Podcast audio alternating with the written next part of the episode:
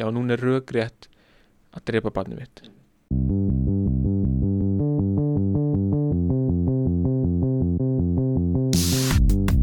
Halló er eitthvað að frétta? Já það er ekkert að frétta. Já það er ekkert að frétta. Ekkert að frétta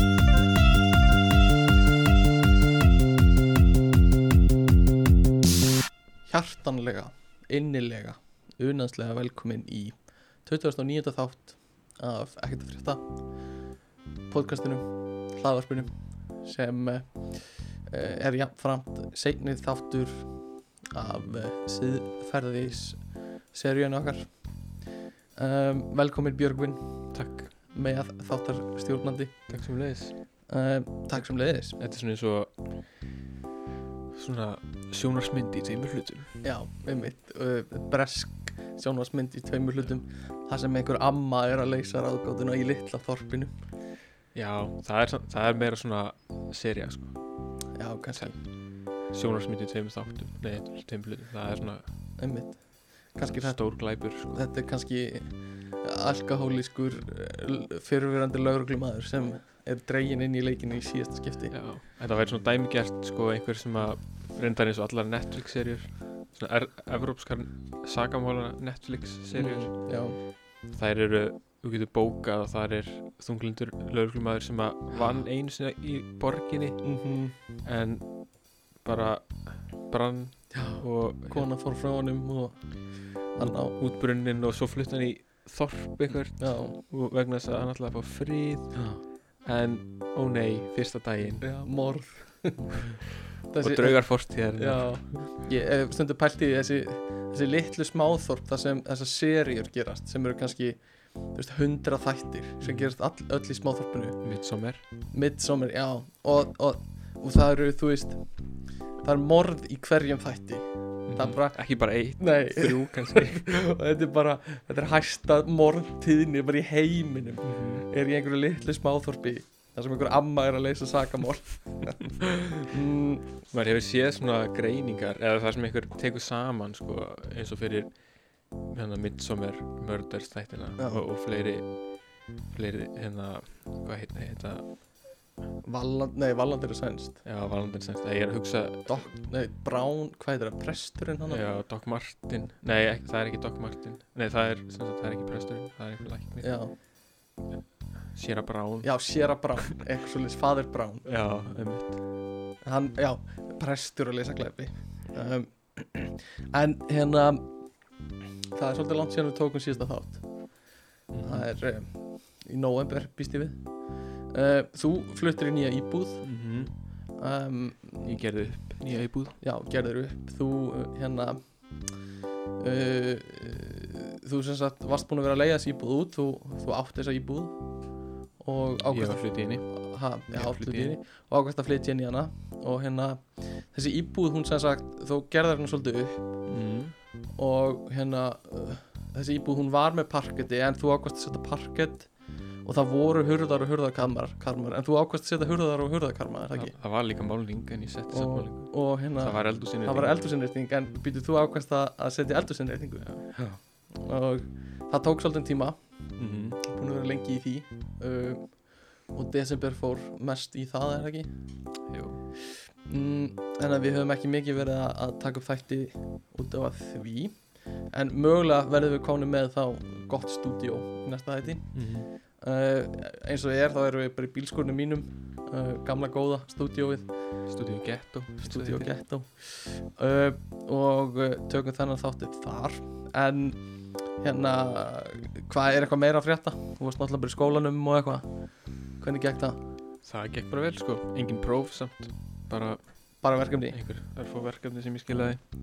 Þetta er náttúrulega engin skóli, þetta er bara einhver barnakessla já það er það eiginlega sko ég vona bara að koma ekki í bakið á mér þegar prófum byrja hvað er, er hvað ætti að koma í baki á þér? að þú veist eitthvað hva, um, mm, um, já og uh, það er náttúrulega búið að vera svolítið mikið samt að gerast í samfélaginu mm, rosa mikið í bandarækjum til dæmis. Trump minn, minn, minn keisari og herra var, er hættur. var er settur af.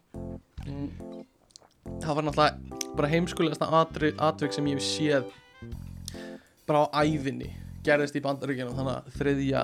janúar eða eitthvað 7. janúar 7. janúar þegar það var ráðast inn í þingúsið mm fyrst og fremst bara heimskulegt Já, í rauninni að þeir, þeir sem gerðu þetta stóðu fyrir þeir hljóta að hafa búist við því að fá stuðning frá Trump og hernum og einhverju ég, ég skil ekki hvað fór gekk fyrir þeim af því veist, þetta er þetta er eitthvað svona sína eitthvað svona mótmæla og sína hérna styrkin sem býr hjá hérna stöðningsmjörn Trump og eitthvað. En það fyrsta sem ég þetta í hug er bara hvað þetta er veist, heimskulegt. Bara þetta er bara svo heimskulegt. Hva, Hvernig er það heimskulegt? bara, þú veist hvað þetta fólk er vittlaust og þú veist, þetta er svo langt frá því að vera rétta leiðin til að ná skoðunum sínum á framfæri Mm -hmm. og veist- þetta er fólk, sem heldur samt að þetta sé eina leiðin sem það hefur vegna þess að það En- heldur en- í alvörunni að en samt, þú veist, það að ráðast inn í þingus er eitt, en að gera það á þennan hátt er svo annað, þú veist, þeir voru í einhverjum búningum og já, já, þú veist, þeir voru að ráðast á þú veist, einhverjum innanhúsmunni og reyna að leita fólki til að, ég veit ekki, skjóta eða eitthvað, skilur já, já. Þetta var bara svo veist, þetta var ekki eitthvað svona tökum yfir þingusið það var meira bara Þetta- svona þetta ekki- ráðast inn og gerum þetta heimsk Þetta var ekki eins og skipulagt valdarán eða Nei, nei, Þetta var bara svona einhvern veginn óskipulagt bara mm basically bara svona þú veist, þetta var auðvitað skipulagt á netinu eða skipulagt, varla skipulagt en samt svona Einmitt. rætt um þetta á netinu og, og einhvern veginn fólki bara sagt að koma en engin, engin samt einhvern veginn með eitthvað plan um það hvað átti að fara að gerast. Nei, nei, og satana á veist, það var að klifra upp veggi og það var stíi tveimur metrum við hliðina á þetta er, um, en svo líka veist, það voru myndir hérna náttúrulega fólki í, í hérna veist, klætt eins og einhverju vitlýsingar mm en svo voru líka einstaklingar sem voru bara í nánast fullum já, og fólk með svona plast handjárn, hand, Já, handplöst. Já. og þú veist sem að augljóslega ætlaði að gera eitthvað. Já, já einmitt. en svo gerði það ekki. Þú veist, þú ferð ekki í, með, með byssuna þína í kamófötunum þínum Mhm. með, með þú veist, tæki til þess að þú veist, frelsi svifta fólk. Mm án þess að ætla að gera eitthvað. Nei, nei, einmitt. Um, þetta hefur líka verið alveg þetta hefur verið sko rosalegt dilemma hjá sér fólki. Það hefur örugglega bara svitnað við að taka ákvörðunina gríma eða ekki gríma. Að því, þú veist, náttúrulega sniðið að vera með gríma því þá þekkist ekki. En þú vilti á hinbóin ekki vera með gríma og sína á sért að styðja grímunótkun já, já, akkurat. Þannig að það er bara, "Ugh, hvað ég gera það fyrir náttúrulega eftir hvernig grímur ef þú ert með svona ef þú ert með full-on ræningja lambúsettu Mhm. að þá er svona augljóst kannski að þú ert ekki endilega Nei, en, sótvarnir í huga. en uh, svo framalega sem að sé ekki gat fyrir munninum á lambúsettinni þá get ég alveg trúa því að þetta fólk haldi að gera það sama. Veist, í rauninni Já, já. gera grímur veist, svona lækna grímur meira gagn heldur en lambúsettur en ég get alveg ímyndið mér að þetta fólk hugsi ég get ekki verið með eitthvað fyrir munninum mm, af því þá er eins og ég sé já. um, en hvað veit ég? Ég, ég var, var ekki hann eða hvað? Uh, þetta var náttúrulega líka bara svona þetta var ákveðið svona crescendo á bara valdatíð Trumps. Það var bara svona að senda hann aðeins út með þremmu döðsföllum og góðu bangi. Fimm. Fimm döðsföllum og góðu bangi og, og hérna þetta, þetta verður svo gott enda aldrei í bíómyndinni eða svona þriðja akt í, í bíómyndinni um Trump sko. Já, einmitt. Um, s- já, og hann alltaf bara sultu slagur að horfa á fréttina þegar það gerist. Nenni ekki að tala meir um hann. Um, svo náttúrulega flugferð á, á, á bóluefnum þegar við tókum upp síðasta þátt þá var bara ekkert bóluefni komið í umferð sko. nú eru þau allavega þrjú um, mm. og við erum að vona að, að hérna, Pfizer gefa okkur gefa okkur smá svona öngunar verður stig. Aðeins svona gefa litla litla barninu. sem búið að væla um þetta. Já, gefðu mig það. Please, please, verður svo lítil. Við getum ekki neitt. Sjáðu okkur Við erum alveg ein. Þú mátt fylgjast með okkur. Við getum verið til innan dýrið please, Please. má fá bara 300.000 skam Takk. Mm, Já, sleppti að senda til Brasilíum En það er samt pæling sko. Þetta er náttúrulega svolítið síðferðislega vafasamt Þú veist, bara af hverju ættu við að fá svona marga skamta uh, En samt á sama tíma Þú veist, í, í Breitlandi er, er sko fjöldi fólks bólusettur sem að myndi næja til að ná sko hjarðunum á Íslandi. Já. einum degi eða eitthvað. Já, þannig að þú veist, getur Breitlandi ekki bara senka sinni áallin um einn dag? Og þá erum við bara já. góð Já, já, þetta er eða svona ekki. Þú veist, að, þetta er svona þessi Er heil þjóð Þú veist, við erum náttúrulega heil þjóð mm En við erum samt bara brot af Bara brota brot af stóri borg mm. uh, Þú veist Hefur heil þjóð einhvern veginn meira vægi heldur en Lítið lí- Bara svona lítið hérna uh, Partur af Þú veist, New York, eitthvað svona smá sm, uh, Hvað heitir það? Hérna Útkverfi í New York eða eitthvað já, ég veit ekki, við, þetta er allt bara manneskjur, skilur við, en hérna af hverju ætti, þó að við séum bara þj- einhver önnur þjóð, af hverju ætti við að fá uh, eitthvað frekar bólefni um, þetta er svona að inn í þetta einhverju segðferðislega spurningar og við förum yfir svona segðferðislega mál og ætlum að ræða það hérna á eftir. Um, en uh, þú þekkir einhvern sem hefur bólusett sig, er það ekki? sem hefur bólusett sjálfan sig? Já. nei, sem hefur farið í bólusetningu. Já, jú, Já. ég þekki eina mannesku og uh, þú hikkar ekkert við að láta gera það við þig? Mörgulega ekki, nei, það held ég ekki. Nei. Uh, hvað myndi þurfa til þess að þú segði nei? Myndi þurfa að koma fram hversu, hversu mikið af aukaverkunum hvar, hvar myndir þú draga línuna? Fyrst að koma upp þú veist allir sem hafa látið bólusetja sig eru ófrjóir. Um, ef að það já. Þá er, þá er bólefni bara galla. Uh, en þú veist já, ég held að það myndi aldrei koma sá punktur sko að þær upplýsingar væru komnir í ljós en bólefni væri samt ennþá í Mm. nótkun mm, sko mér veist einhvern veginn það er mjög erfitt fyrir mig sem almenna leikmann að segja bara svona já setja, að- fyrir mig að setja einhvern mörg mm þegar að þegar það eru til stopnanir sem að já, samþykja eða samþykja ekki. Emmitt þannig að þessi, ég held að ég treysti þeim stopnunum Mhm. ágætlega fyrir þessu að Mhm. að ákveða þetta.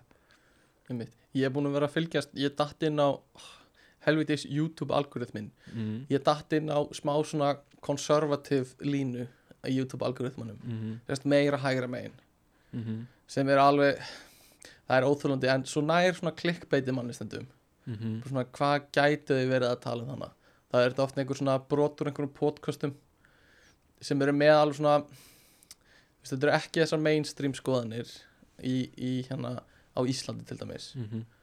uh, og eitt podcast er það er svolítið mikið búið að vera að tala um hérna COVID og uh, þú veist þessa þessa hérna kenningu um að þetta sé allt komið allt frá þessari vísindastofi í Wuhan. Mm -hmm. og þetta hafi lekið út. Og eru að segja að það sé alltaf að verða svona vinsæll og vinsælli skoðað meðal vísindamanna. Þau halda þessu fram sko, ég, ég veit það ekkert sko. Mm. Uh, og, og tala svolítið um eins og þetta sé það sé eina rökrétta í stöðunni. Uh, ég vil áður en við höldum áfram með þessum umræðu vil ég taka fram að, að hérna, ég trúi þessu ekki. Uh, ég hef ekkert engar sannanir til þess sem benda á þetta en mér langaði svolítið að tala um það sem þau voru að segja. Mm -hmm. að þau voru að tala um að þau heldu að hérna og þau koma rosa vel fram. Þetta er ekki einhverju nöttarar Nei, nei. sem er það sem er er versta. Það er svona að þau, þau kom, leggja þetta rosa svona já, á rosa svona hérna skinsaman fram á, já, á skinsaman hátt fram. En þau eru að segja að, að hérna að, sen, að sennilega hafi verið eitthvað alþjóðlegt samstarf í Wuhan e, vísinda hérna e, stöðinni og að þau hafi verið að prófa svona alls konar veiru fræði og testa á því. Og að þau hafi verið að breyta einhverju svona veiru sem er til til þess að læra meira um hana Mm -hmm. það er svona þeirra kenning og, og þá hafi sannilega þetta verið veira sem þau hafi verið að, að gera verri til þess að sjá bara svona innan tilrunastofunar bara svona hvernig hún þróast þá mm -hmm. uh, bara til þess að geta brugðist við því ef það myndi einhvern tíma gerast í náttúrunni Mhm. er, er þeirra kenningu um það sem vísindamennir hafa verið að gera og svo á einhverjum tímapunkti sleppur hún út. Bara hvort það er á fötunum á einhverjum eða, eða einhver smi, smitast óvart eða eitthvað. En þá sleppur út veira sem þau eru búin að vera að krukka í til þess að gera e, slæma. Svo að þau geta lært hvernig það eiga að díla við slæma farsótt. Mhm. og, og hérna og það sem, þú veist, þessi veira er búin að vera hönnu til þess að verða verri með tímanum og benda á, þú veist, allar allar hérna, öll afbreyðin frá Breitlandi og Suður-Afríku og eitthvað svona því til, til sönnunar. Og hérna, og eru með eitthvað svona vísindarlegar staðhæfingar um þetta sem ég get ekki lagt mat á. En, og er að segja að þetta sé að verða svona, svona viðtækari skoðun hjá meðal annara vísindamanna. Ok. Sem ég veit heldur ekkert um. En uh, þetta er smá nöttara kenning hún er svona, hún er nöttara kenning en á sama tíma hljómar hún svona þokkalega skinsamleg Mhm. eða svona, þú veist, það er ekkert eitthvað svona sem ég heyri og er bara svona að þetta meikar ekkert sens þetta er bara bull Já. en því að ég, ég get alveg trúa því þú veist, ég veit ekki hvort það sé satt en ég, ef einhver myndi segja mér að að hérna veiru sérfræðingar mm -hmm. þú veist, búið eða þú veist, taki veirur sem eru til og breytið þeim einhvern veginn til þess að bara þú veist, sjá hvernig það Mhm. þróast gera einhverja rannsóknir á veirum mjög eðlilegt. Já, og þú veist, ég get alveg ímyndað mér að það geti orðið slýst þannig að, að það Aha. verði einhver starf hérna, smitt og, og einhver en þú veist, voru þið að segja að að markmið hafi verið að sleppa veirunni? Nei, nei, nei, alls ekki markmiðið. En En markmiðið var að gera hana verri heldur en venjuleg veira er. En til þess að læra hvernig á að díla við já. En til þess að læra að díla við hana þú veist, á hvaða há ég, sennilega bara innan, einhvern veginn innan tilraunastofunar hvort það er á dýrum, eða músum eða, eða hvort það er bara hvernig veiran, genin í veirunni þróast eða eitthvað, ég veit ekki. Mm. en markmiðið var allavega að búa til mjög slæma veru sem, sem hérna svona eins slæma og við gætum þurft að díla við basically á náttúrunar hendi. En þessi veira er samt ekkit hún er slæm en hún er ekki hrikalega slæm Nei. og það er líka partur af því eitthvað svona að hún þróist yfir í að það verða verri ok ég er ekki þróunar sérfræðingur en ég get einhvern veginn ekki ímynda mér hvernig þú myndir veist, hvernig þú myndir setja það inn í DNA-ið Mm. á veiru Já. eða erðaefnið í veirunni Mm að erðaefnið eigi að vera breytast á einhvern ákveðin hátt að það eigi að vera einhver ákveðnar stökkbreytingar eins og sé kóðað inn í, já, inn í erðaefnið hvernig erðaefnið á mm. breytast með, með tilvíðan að kendum stökkbreytingum. Já, ég, ég veit ekki, þetta er kannski eitthvað svona pælingin hvernig, hvernig það er dreifast á milli og, og hérna þú veist, að þess að sterku lifi frekar af eða eitthvað svona Mm. þess að er verri. En, en svo, þú veist, það kemur upp þessi siðferðslega spurning líka sko um, eigum við að gera þetta svona, veist, við veitum ekki hvort þetta hafi verið gert. En hvað, seg, hvað segir þú, þú veist myndur þú vilja að það séu gerðar svona rannsóknir til þess að við gætum díla við þetta ef það gerist í náttúrunni? Eins og bara núna burt sér frá þessu sem við vorum að tala um áðan þá gerum við ráð fyrir að þessi veira hafi byrjað í náttúrunni skilur það er svona viðkenda skoðunin Mhm. að þetta hafi stokki og leða blögum í menn. Myndur þú vilja gera fleiri rannsóknir á þú veist, veirum sem eru erfiðar að díla við sem við gætum veist að búa til sjálf eða bara sleppa því að rannsaka þetta og svo bara díla við þetta ef þetta kemur upp. Við að reyna að vera að skrifa undan og, og eiga þá mögulegan að því að eitthvað geti sloppið út sem við viljum ekki að, að, að myndi slepp út. Púff. Má ég svara þér næstu viku? Þetta er svona þú veist uh, maður þarf að gera svona co- bene- cost benefit einhvern veginn analysis Já, já. á bara svona á heimsmæli á kvarðanum skilur við, þetta er Mhm. ekki bara eitthvað svona á ég að kaupa hluti í þessu fyrirtæki ekki, þetta er þú veist já, já. hvernig ég að díla við þetta sem, sem bara alheim, eða sem heimurinn sko. En sko, já, þá, en þá hlýtur sko uh, ágóðinn af þessum rannsóknum þarf þá að vera svo mikill að sko vegi meira heldur en möguleikin á heimsfaraldri. Já, maður hefði ímyndað sér það. Þannig að, en þú veist, þá getur maður ímyndað sér að það kemur aftur upp mögulegur heimsfaraldur. Þá erum við strax komin skrefi nær að binda enda á hann einhvern veginn, ef við erum já. búin að rannsaka þetta vel. Uh, En aftur á móti, þú veist en næsti heimsfaraldur gæti verið einhvern veginn allt önnur öðruvísi veira, þú veist, þetta er um mögulega næsta veira er, þú veist, einhvern veginn önnur, önnur típa veiru ég, ég þekki ekki þessa veirufræði en, en mér skilst samt að spáin hafi verið eitthvað svipað þessari veiru sem hefði átt að koma. Það frækt Ok. TED talk hjá Bill Gates um að við þurftum að undir frá 2015 já, já. en var hann eitthvað að tala um þú veist, uh, típa endilega veiru kórunuveiru Nei, bara, hann var bara að tala um bara heimsfaraldur. Já, en ég held samt að það hafi verið búið að tala um að svona svipað og SARS veiran Já. sé mjög líkleg. En ég meina, inn, þú veist, það er líka hafa verið þú veist, svínaflensan sem er Mhm. influensu veira -hmm.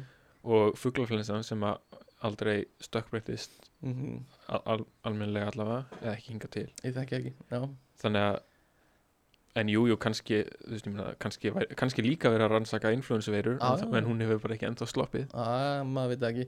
En aftur, ég, ég get ekki sagt að ég trúi á þessa hérna uh, Wuhan uh, tilraunastofu kenningu. Um, bara mér finnst uh, ekki sniðugt að, að draga þá álíktu endilega strax.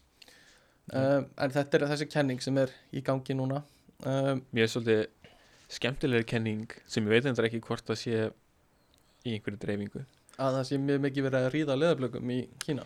Nei, uh, að sko að kínverjar hafi búið til hennan vírus mm -hmm.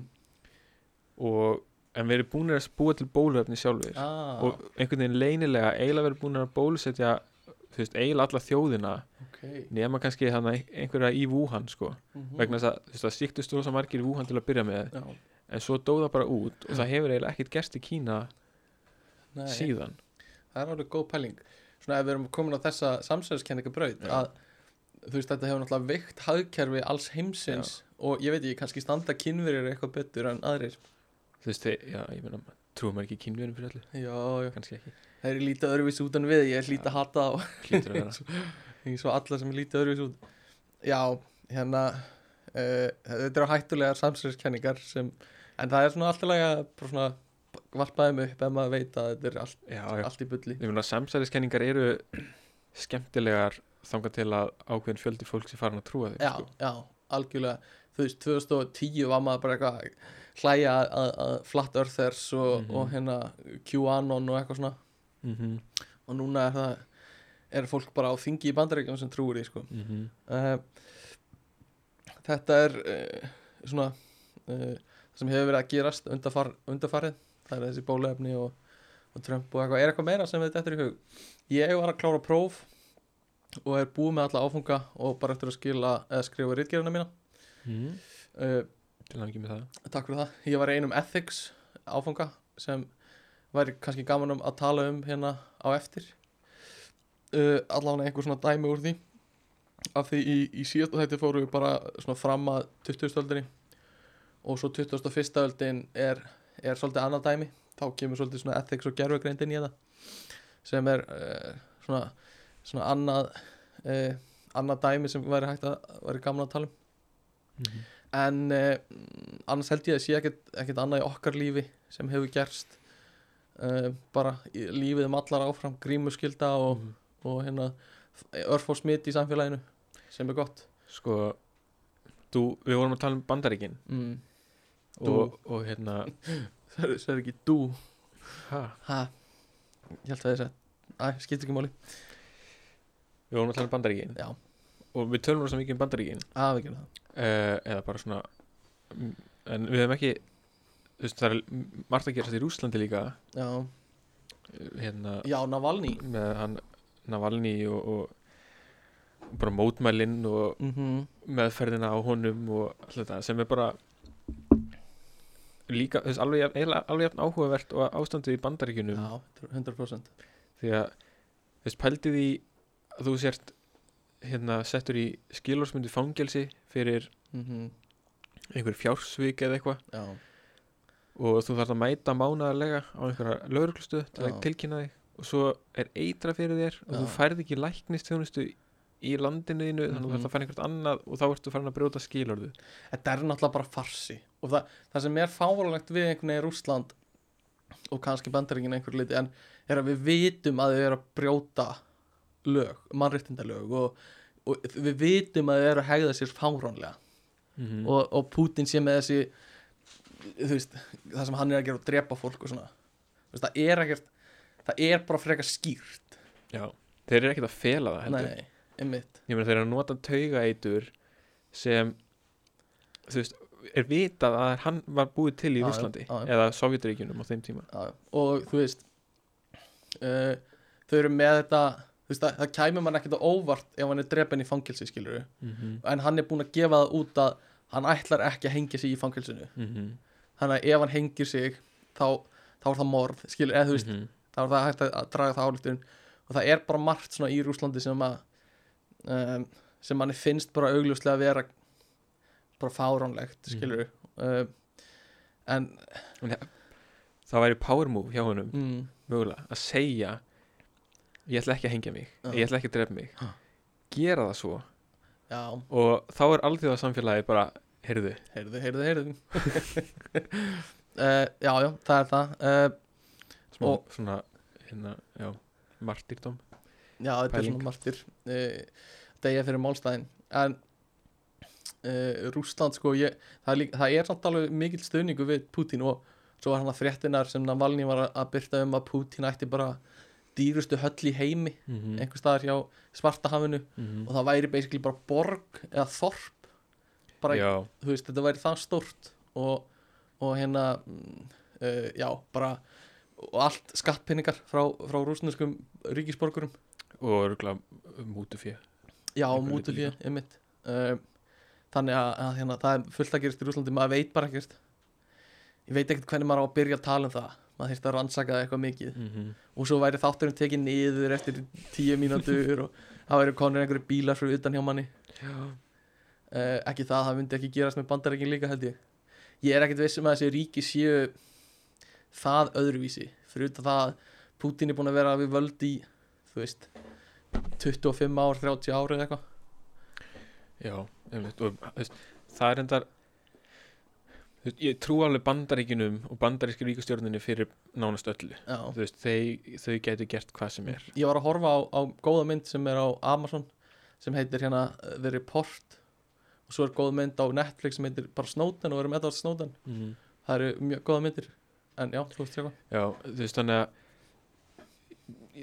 í- í- Bandaríkin er ekkit eitthvað svona gott land nei, eitthvað nei, alls ekki það hefur bara sínt sér líka að þetta er bara þriðja heimsríki bara í heimsfaraldurum hefur það sínt sér sko. Já, já, bara hvað margt var það sko. Já. en, en samt veist, þeir eru ekkit frábært land sem er kannski, þú veist, þegar þú ert valdamesta land í heimi, Mhm. eða ríki í heimi að þá kannski bara gerur ráð fyrir að það sé ekkit eitthvað allt bara frábært og allir, allir 100% heiðarlegir en Mhm.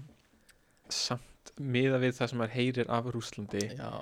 þá er það samt betra og þú veist annað við Rússland þó bandaríkin sé ekki toffar því en Rússland sérstaklega vant í réttindum réttindum fólks, þú veist, réttindum samkynneira og réttindum ég veit ekki, trans og örgulega fleiri mm -hmm. uh, en náttúrulega Kína líka ef við erum að fara já. Kína er uh, hrikalegt hvað var þar fólk sem lítur öðruvísi út ég hef heyrt að, Kín, að Kína sé veit ekki taka það fram, ég vil ekki vera að dreif einhverjum ára, einhverjum svona um kínverja almennt en að þeir eru ekki mjög miklu hrifnir af svörtu fólki og hérna kínverjar og náttúrulega múslimum bara útrýma múslimum í, í útrýmingabúðum þannig að, að Kína er þetta, Kína, Rússland og, Bandaríkin finnst manni svona, þetta eru þessi ríki sem eru að standa sig verst. Já, allavega, já þú veist, þau eru náttúrulega þú veist, ef þú margvaldar saman sko stærðina og hvað þau eru að gera slæmt og þá eru þessi ríki í sérflokki sko. Já, maður, maður kannski ímyndi sér það en það er líka kannski bara eins og gildir með fólk almennt að ef þú ætlar að komast hátt upp stigan mm -hmm.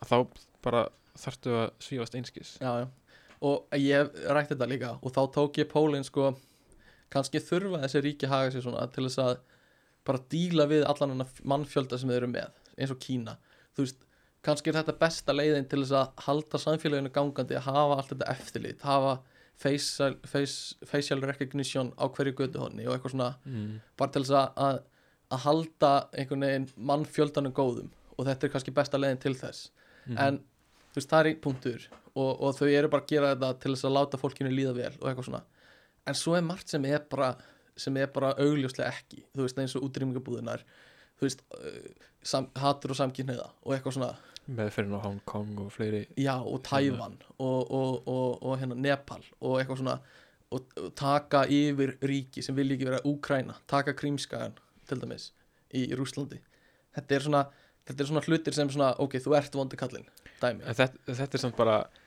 þetta er nákvæmlega sama og ríki hafa verið að gera bara gegnum bara alla mannkinn söguna er Já, að taka yfir önnur landsvæði. Já manni, manni finnst bara einhvern veginn á, þess, á 21. öldinni veist, og fólk segir bara eftir 500 ár, eitthvað svona já, þau voru nú bara hana, þetta var bara landslægið á 21. öldinni, svona en manni finnst að núna eigi þetta ekki að vera, í- vera hægt. Manni finnst einhvern veginn eins og bara svona landamæri núna Eiga þetta verða bara landamærina eilífu.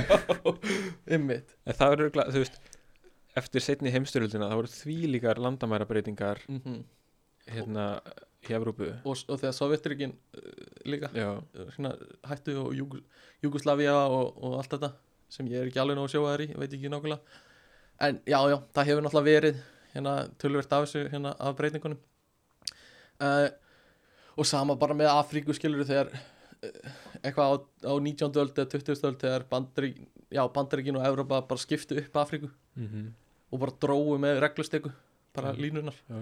um, mér finnst svolítið merkilegt land hana Líberia í Afríku. Mm. sem er á, á vest, norðvestustöndinu held ég. Sem er, sem er mér finnst það svolítið svona góð, merkileg saga bak við það. Það er þú veist uh, land sem bandarækjumenn svartir bandarækjumenn fluttu til. Og þetta er semst bara basically nýlenda fyrir svarta bandarækjumenn sem, sem vil, eru reyni innan gæsla að fara heim eftir þrælahaldið hvenær var þetta? þetta var bara á 19. öldinni einhvern tímann uh, og frekar nýlega á, þú veist, seinna hlut 19.. aldar held ég, var bara að stopna nýtt ríki uh, já, einhver, einhver tíma 19.. uh, þar, sem, þar sem svart fólk í bandarækjunum fekk að fara heim basically, innan gesalapa Mm. um, og hefur verið í gegnum tíðina bara eitt spiltasta land í heimi og það eru bara morð og bara það gengur ekkert hjá þeim Mm en, en mér finnst bara svolítið svona ekki skemmtileg pæling en svona áhugavert pæling að, að láta að leifa veist, þrælum að fara heim til sín aftur. Og eiga einhvern veginn bara að, bara svona, að, að hérna, aðlagast því ástandi. -hmm. bara að fara bara þangað og Já. hérna sjáumst, já við sjáumst. Þið græði þetta já, bara einmitt. Og þar er þú veist, það tala allir ennsku og eru með nöfn eins og James og, og Mark og eitthvað svona sem eru svona típisk bandarísk nöfn. Um, og, og hérna en eru þú veist, þetta er bara Afrika, svona eins og ímynda er svona, svona sléttuna í Afriku mm um, en, og, og, og þú veist það er held ég, ég man ekki hvort það er kongur en það var eitthvað svona herfóringi sem réði hana eða eitthvað? Þetta er mjög áhugavert ríki. -hmm. um, en uh, siðfræði, við ætlaðum að tala um siðfræði. Uh, og líka ég er, er hvorjur okkar er sérfræðingur í neina af þessum máli sem við höfum talað, um ég er búið með hérna, stjórnmálafræðina. Og, já, og með áherslu á Líberi og Já. með áherslu á uh, Kína og Rússland. Uh, nei, uh, þannig að við höfum mögulega verið að segja einhverju algjörðu villisu en, en þetta er svona það sem, það sem ég hef heyrt svona í gegnum greipvænið. Það eru langt skemmtilegustu samtölun þar sem maður bara leiði sér að segja það sem maður hefur heyrt og, og þið, þá verður þið líka bara hlustendur að senda post og við leiðir þetta Já. og við tölum um það. Uh, við hefum ekki fengið neina posta síðan síðasta þætti. Það hefur verið ansi, ansi uh, þögult uh, postfangið okkar. Æ, ekkert að frétta að gmail. Uh, og heldur ekki á Instagraminu. Ég vonandi sétt mynd af Björgvinni vera að tala á Instagramu okkur á eftir þannig að þið getið séð stúdíu okkar. En mér langaði að byrja á svona vinsælum svona hugsunar æfingum, siðfræði svona hugsunar æfingum, ég veit ekki hvað maður kallar þetta svona Nei, thought experiments. ég nefnilega væri til eitthvað gott íslenskt hérna heitið yfir þetta. Já, hugsunaræfing já, leikfimi, einhver svona hugar leikfimi tengdu, tengdu siðfræði. En það er samt já, hugar leikfimi þá farin að hugsa um sudoku eða eitthvað sko. Já, já, en Já, ok, setjum tíma. Ég ætla, ég ætla að varpa fram spurningum fyrir þig til að svara. Vá, af því, sko, ég vil taka fram Björgvin er, er svona siður réttur maður og hann hefur alltaf réttu svörin í öllu svona. Það er mætti eða að segja að sko, veist ég, sko ég veit ekki alltaf svörin fyrirfram mm. réttu svörin fyrirfram en þegar ég er búin að svara Þá þá, er þá er komið fram Mhm. rétt svar. Já, 100% og við ætlum bara að ganga út frá því og svo ræðum við um þetta. En hérna, skulum bara byrja einfalt. Bara frægasta svona siðferðis dilemmanu ok, lestin. Og já, það er lestin og þú þekkir þetta, þetta er hérna lestar uh, scenarioið trolli experiment. Og uh, þú ert um, stattur á svona um, lestarteinum þar sem þú ert með svona skipti uh, stiku þannig að þú getur skipt teinunum til hægri eða vinstri. Ok, ef að lestin fer áfram þá hérna þá fer hann til hægri og ef þú getur breytti og láta hann að fara til vinstri. Mhm. ok, hægra megin ef hún fer bara beint áfram þar, uh, þar eru fimm uh, menn að vinna á lestatennum sem sjá ekki lestina Mhm. til vinstri er einn maður standandi á tennum Mhm. ok, þú hefur valið núna til þess að beina lestinni á þennan eina mann eða leifa lestinni að keira yfir þessa fimm menn hvað myndir þú gera? hvað ámaður að gera?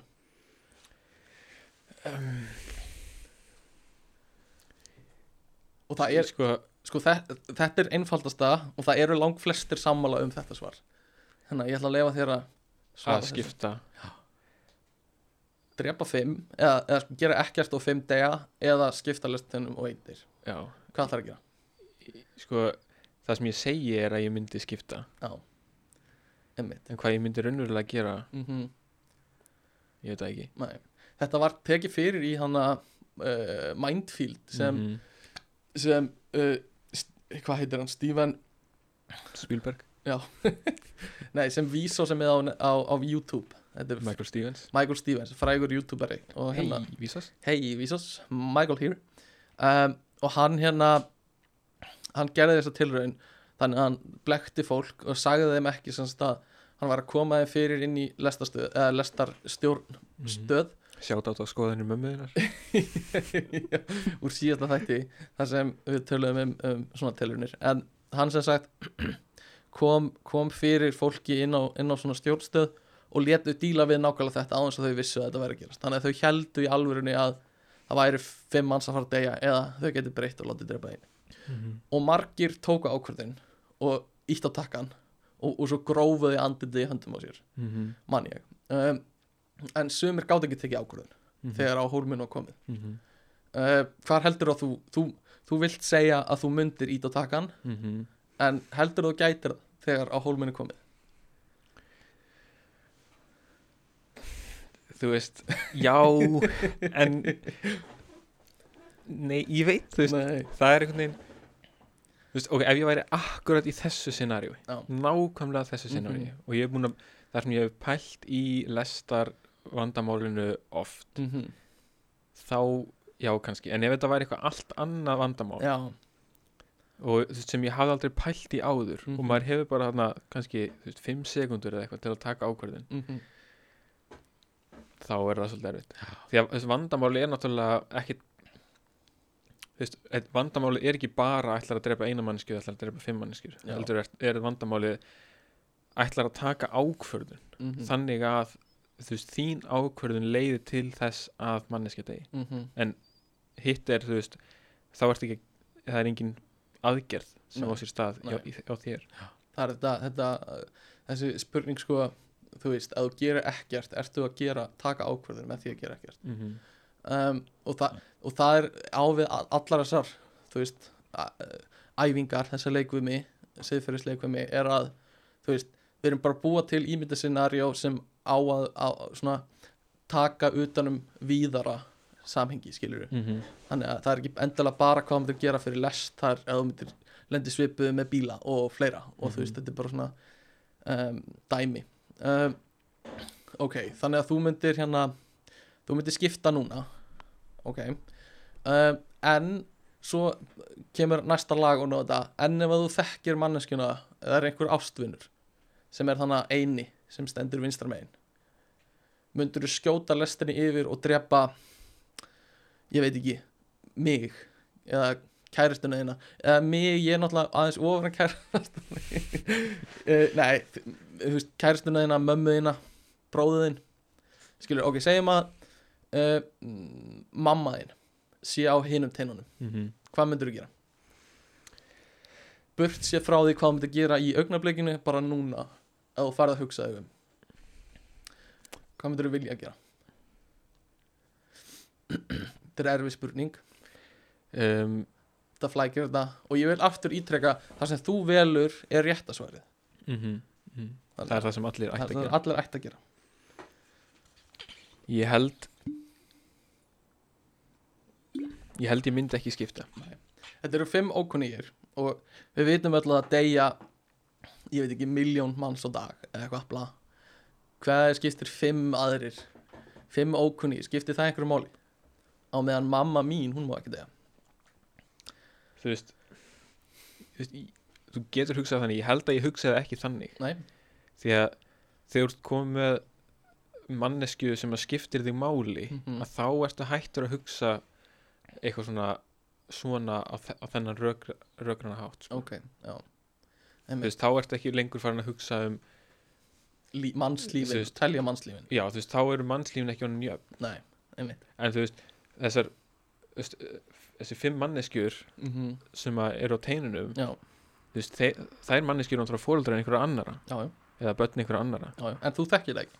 Nei, en þú veist, þannig að hérna, minna, heildar þjáningin í heiminum eða heildar hérna, ánæjan í heiminum Mhm. væri ennþá þú veist, á betri stað ef ég myndi Við gröfum, mömmu við mína. gröfum upp John Stuart Mill úr síðan þætti og reynum að maximæsa uh, hamingjuna og, já, en já, þannig að þú, þú myndir þannig að það rétta í stöðinni er að leifa þessum fimm manneskjum að deyja.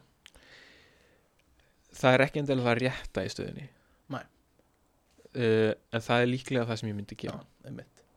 Ok, og, og næsta sem ég ætla að fara og síðasta sem ég ætla að tala um í, með trolli-experiment er hérna um, þú stendur á brú yfir lestarteinunum og uh, það standa fimm manns uh, á teinunum sjálfum eins og síðast.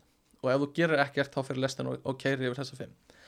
En það stendur með þér á brúnni beint yfir lestarteinunum frekar feitur og stór maður bara og horfir niður frá brúnni niður á lestatennina við getur ímyndið að einhver svipaður og ég stendi á lestatennunum en ekki ég, bara svona feitur maður ok. Ég var að býja eftir að myndi segja nei Stefán, þú ert ekki. Tjók. Uh, allan, stór maður sem stendur hana uh, þú sérð og það er augljóst fyrir þig að ef þú ítir þessum manni niður af brúnni þannig að hann dettur á lestatennina þá ert að bjarga þessum fimmunum það er í rauninni alveg eins og áðan nema þú þarft að íta manninum á lestartenna niður af brúnni. Mm -hmm. og þú, þú veist að ef hann fer á lestartenna þá stoppar lestin Mm -hmm. en hann deyr, Mm hvað gerur? um, þetta er orðið svona meira aksjón sko, með, með, með hérna þú veist, ef maður er bara að pæla í aftur í rauninni hvað er siðferðislega rétt mm -hmm. um, að þá ætt, þú veist ef ég segist toga í pinnan og beina lestinni á hennan eina hérna í fyrsta vandamálinu. Mm -hmm. ef ég segist alltaf að gera það að þá eiginlega þarf ég að segja alltaf í tónum Já. eða mér finnst það einhvern veginn. En ef ég væri í þessum raunverulega aðstæðum að þá held ég að ég sé mun líklegri til þess að sleppa sleppa því. Því að sko er, ef, sko, ef ég íti þessu manni Já. þá gæti ég alveg eins hoppa sjálfur. Ok, ég er kannski ekki nóg stór já, til þess. það er partur af dæminu, þú Ok. getur ekki gert það sjálfur. Ég geti gert það. Þá, þá segir þú, mástu þá segir þú? Nei, þú ert ekki það feit segir, Já, mástu þú ert ekki það feitur. Þú ert alveg svolítið Nei, já, þú ert ekki ég skil ekki Uh, ok. Uh, Ok, ég gæti sem sagt ég, Já, ég gæti hoppað En þú ert ekki nógu feitur allavega til Mhm. þess. Þannig að þú getur ekki tekið þá ákvörðin ok, já, þá þú veist. Ok, þannig að en sko, grundvallar munurinn hérna er basically uh, held ég að í, í þessum aðstæðum þá heldur þá í báðum aðstæðum ætturu að taka í gikkin sérst bey, beigja lestina og þú ættir líka íta manninum út af en þegar á hólminni komið heldur þú sé líklara að þú ítir á takkan frekar en að íta manninum. Ég held það, já. Svo það er kannski svona mesti basic munurinn. Já, ok. Uh, það make a sense. Uh, en í báðum tilvægum ættir að gera já til þess að, ég meina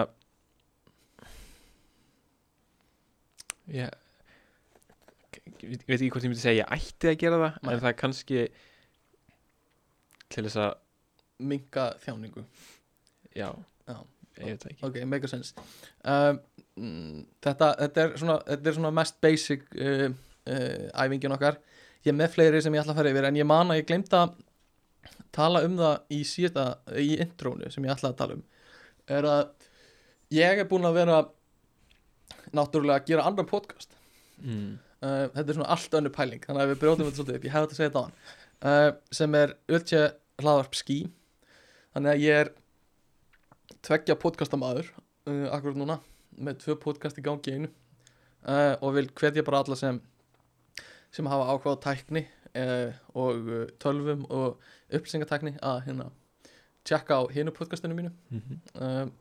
sem heitir Utji hlaðarp skí og er á öllum þessum helstu veitum ef að þið vilji uh, kynast í eitthvað.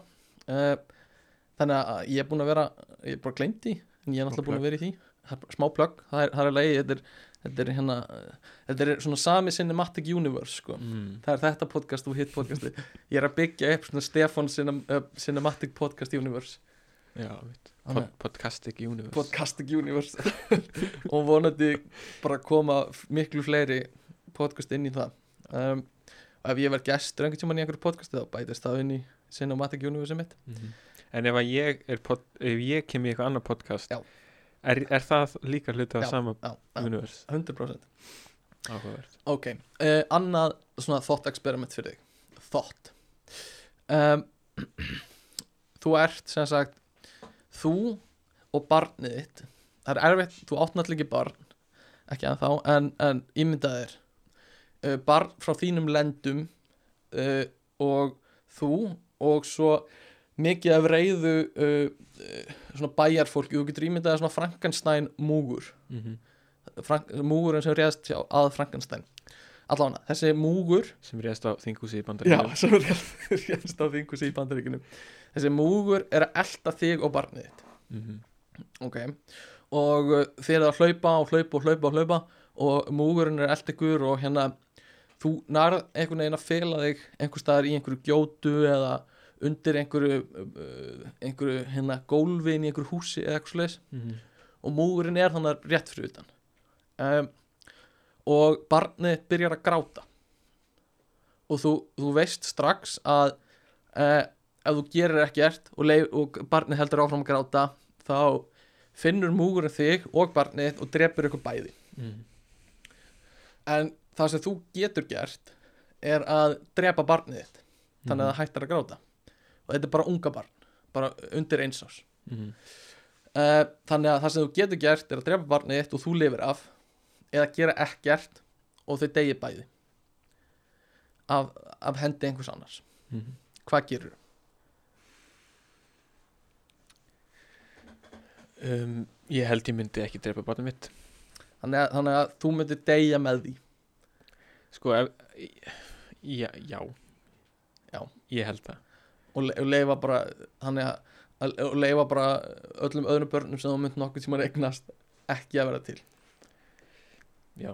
Já. þú veist ég þú veist, ég held þegar þú ert fóreldri þá, þá hugsar ekki svona nei, nei, og ég, ég, ég, kannski ef ég ef ég vissi að þessi múgur væri að fara að pynta barnið mitt mm. já, mögulega það er svona til að þyrma því já þá myndi ég líklega til þess að draga mig í þá átt sko. Um, ef ég væri í þessum raunverulega aðstæðum þá myndi ég náttúrulega gera allt bara til þess að þakka niður í barninu. Mm þú veist ég veginn ég var eitthvað ímynda mér að þú sért komin á þann stað að þú hugs, hugsir bara já núna er rökrétt að drepa barnið mitt. Einmitt. Nei, nei, það er mjög ólíklegt að verði þar einhvern tíma um, en ég ætla að prófa þetta einhvern tíma þegar þú ert komið barn, þannig að þú veist af því. Þú ert vakandi fyrir því. Ok. þannig að ef þú lendir einhvern tíma í mjög svipuðum aðstæðum þá, þá getur þú muna þetta og hugsa ok, hann er ekki að fara að drepa það í alvörinni en ég ætla að láta þið samt halda að ég sé að fara að drepa það í alvörinni mm, ok. Um, ok. Næst, næsta svona dilemma sem við þurfum að díla við. Þú og, og vinnuðinn bara ég uh, neða segjum einhver annar vinnur segjum bara vinnur Svenni til dæmis. Vinur Eh, Svenni. vinur Svenni. Um, eru teknir af höndum af lögreglunni eftir að hafa fram með glæp. Þeir semst frömdu glæp og það skiptir ekki máli hvað glæpur þetta var. Um, og Er þetta prisoners dilemma? Já. Og þeir eru settir í sitt hvort herbyggið Og það er engin leið fyrir ykkur til að tala saman. Og það, þú ert tekin í yfirheyslu í þessu herbyggi Og þú hefur þrjá valkosti uh, Þú getur hérna uh, snitsað á Svenna Og sagt uh, allt, að þetta sé honum að kenna Og allt það sem hann gerði Og þá ert þú laus Gegn því að Svenni snitsi ekki á þig Mm. ok, það næsta sem getur gerst er að, og, og þá fær Svenni þrjú ár í fangelsi en þú gengur út strax Mm. ok, þú ert laus allra mála næsta sem getur gert, gerst er að þú snitsar og Svenni snitsa, þið snitsa á hvern annan Mm. þú veist ekki hvað Svenni er að fara að gera en þetta gæti gerst og þá fáið báðir tvö ár í fangelsi ok uh, það þriðja er að þið segið hvoru neitt og þá fáið báðir eitt ár í fangelsi þannig að þannig að þú veist ekkert hvað Svenni gerir þú verður að taka ákvörðun óháð því uh, hvað myndur þú gera? myndur þú snitsa eða myndur þú þegja? Sko ég veit að það er leikjafræðilega Mm. er einhver besta ákvörðu Já, sem ég maður bara ekki nei, því miður. Svo við skulum gleyma því. Um, Sko erum við að þannig að hvorug snitsjar þá er eitt ár. Já, ef hvorugur snitsar þá er eitt ár. Ef að þú segir ekkert en hann snitsar þá fær þú þrjú ár mm. um, og ef að þú snitsar og hann segir ekkert þá fær þú ekkert. Og ok. Líklega myndi ég ekki snitsa. Ok, og, og vonar að en þá veistu að þú ferð í fangilsi sama hvað. Þú ferð allavega í eitt ár. Mm það besta í stöðun er að hann snitsar ekki og þá ég eitt ár. Mhm. en ef að hann snitsar þá ég þrjú ár. Þannig að þú ert að ganga út frá því að þú farir í fangilsi það ég að segja þetta. Og bara Já. þú veist það er gefið. Mm ok. Þannig, þannig að þú, þú tekur á því eitt ár fyrir Svenna. Og mögulega þrjú ár. Mögulega þrjú ár. Er þeir pirraðar út í Svenna? Þú kæfir í ljós að það eru þrjú ár. Já, en þú veist að Svenni er hann, hann, hann er bara í, í, þú veist hann er að fara að gifta sig. Eða eitthvað, þú veist, eða mamma hans er á dánarbyðinu, þú veist, á, á þessum tíma. Og þú veist hann, að- þú ert, þú veist, hann vill hitta mömmu sína og segja bæ við hana skilur hún myndi deyja ef hann fær í fangilsi þá án þess að, að hann fá að hitta hana. Þannig að þú, það, þú veist, breytir einhverju að hann hafi eitthvað svona incentive? Þú veist, myndir þú breyta ákvörðuninni? Uh, ef ég myndi breyta ákvörðunni þá myndi það koma verður út fyrir hann. Já, já. En, en hérna, þú veist bara líka af því að hann er líklegri til að snitsa á þig skilur þú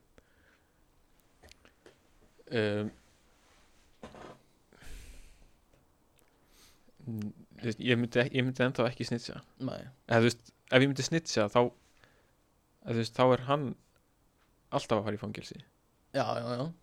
En, en það er svona, þú veist ok, hann hefur mjög gott incentive á það að snitsa á þig. Já, meina þannig. Það eru, þið finnst alveg góða líkur á því að, að hann sé að fara að snitsa á þig hann myndi ekki breyta. Þú vilt leifa honum að fara út og þú tekur þrjú ár. Þetta er svo gott podcast þessari langu þagnir sem Já, þú hugsar um. þú getur ekki svarað þessari spurningu bara á tí, En það er sekúndu. þú verður bara að taka ákveðin og svo verður að raukstja já, vegna þess að það er rétt ákvörðun. Mm -hmm. bara svona upp á líka gott podcast Já, að gott já, flæði í já, samræðinu Já, já mm, það er enginn að dæma þig fyrir að snitsa á Svenna Nei, sko. ég veit það við vitum öll hvernig gæi Svenni er sko. Veist þú hvernig gæði Svenni er? Hefur þú fram með glæp með Svenna? Já. Uh, nei, ég myndi ekki það er bara uh, fínt þú ert greinilega hérna don't get snitches um, nú, svo ég með svolítið þetta eru svona þrjár megin uh, dilemmunar, svo er ég með hérna langan lista sem ég hef ekki alveg lesið yfir þannig að ég er svolítið að þýða hérna lista bara jafn óðum, þannig að prófum þetta. Um, þú ert fangi í útrýmingabúðum ok? Uh, það er svona sadist, sta, sad, Statistik. statistik nei, það er svona sadískur vörður sem er uh, bara við það að fara að hengja sonin uh, og sonur þinn er nýbúin að reyna að flýja og hérna og við, þessi vörður vill sem sagt að þú rýfur stólinn undan sinniðinu þannig að þinn er nýbúin að reyna að flýja og þessi þessi statistikali vörður þessi sadíski vörður sem er sadist. Hann vil semst að þú kippur stólunum undan snurni hjá sinniðinum.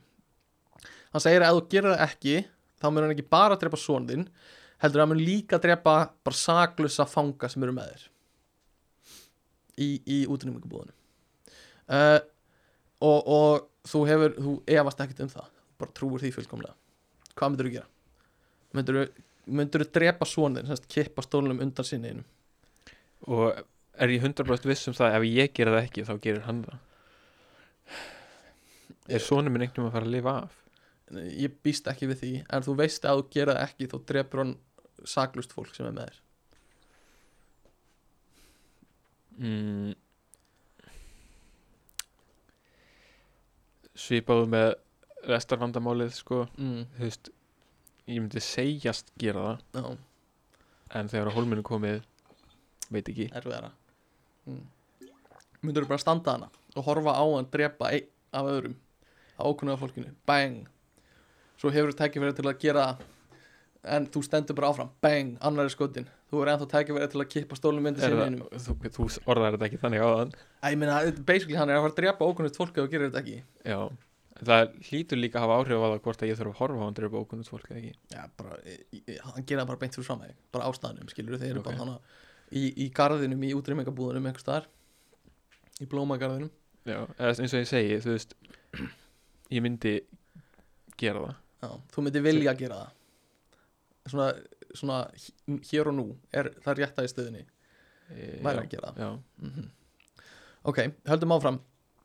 Um, hérna er einhver þetta er, þetta er samáðan, ég ætla að reyna að þýða þetta the fly. Um, sérst, Heather, við skulum bara kalla Hildur. Uh, er, er partur af fjögramanna uh, svona námu hérna ferð, leiðangri inn í einhverja námu. Uh, og það er, það, náman fellur saman og, uh, og, og þessi fjögramanna hópur sem Hildur er partur af er fastur inn í náminu. Uh, og það er stein sem, sem kremur fótinn á einum af þessum námumönnum sem eru með henni og hann mun deyja ef hann fær ekki læknisaðstöð ok? Uh, hún, semst Hildur er búin að koma á svo- svona radiosambandi semst útvarsambandi eða, eða svona talstöðasambandi uh, við Björgunarteimi og uh, er búin að komast að því að það eru 36 klukkutímar þannig að geta bjargað semst ná að bóra niður í, í, í námuna og, og komast að þeim. Uh, og hérna hún, þú eða Hildur veit ekki, Hildur reknar út að það er uh, nóg súrefnið að handa þremur manneskum í þessa 36 tíma. Mm. ok uh, og allavega bara alls ekki nóg fyrir fjóra. Sennilega nóg fyrir þrjá. Uh, og uh, eina leiðin er að hérna uh, uh, eina leiðin til að bjarga þessum þremur er að hérna er að neyta þeir að fá uh, læknis sem sagt búnað fyrir þannig slasa þannig að þú getur ekki sendt niður læknisbúnað fyrir hann slasa uh, ok. Þetta er orðið svo flókið maður. Uh, já, þannig að þú veist, þið gæti fengið læknisbúna niður en ef þið myndu fá hann þá, þá myndu hinni deyja basically mm -hmm. en þið gætu bjarga þessum sem er, sem er með kramin fótleg uh, uh, ætti heðar eða hildur að leifa hérna þessum slasaða deyja uh, til þess að bjarga hinnum Er það bara Hildur sem að tekur þessa ákvörðun? já þú þarft að setja þig í spór hildar sko Já, en þú veist, er þetta ekki sammeila ákvörðun hópsins? Nei, það er bara hildur sem fara að ráða þessu.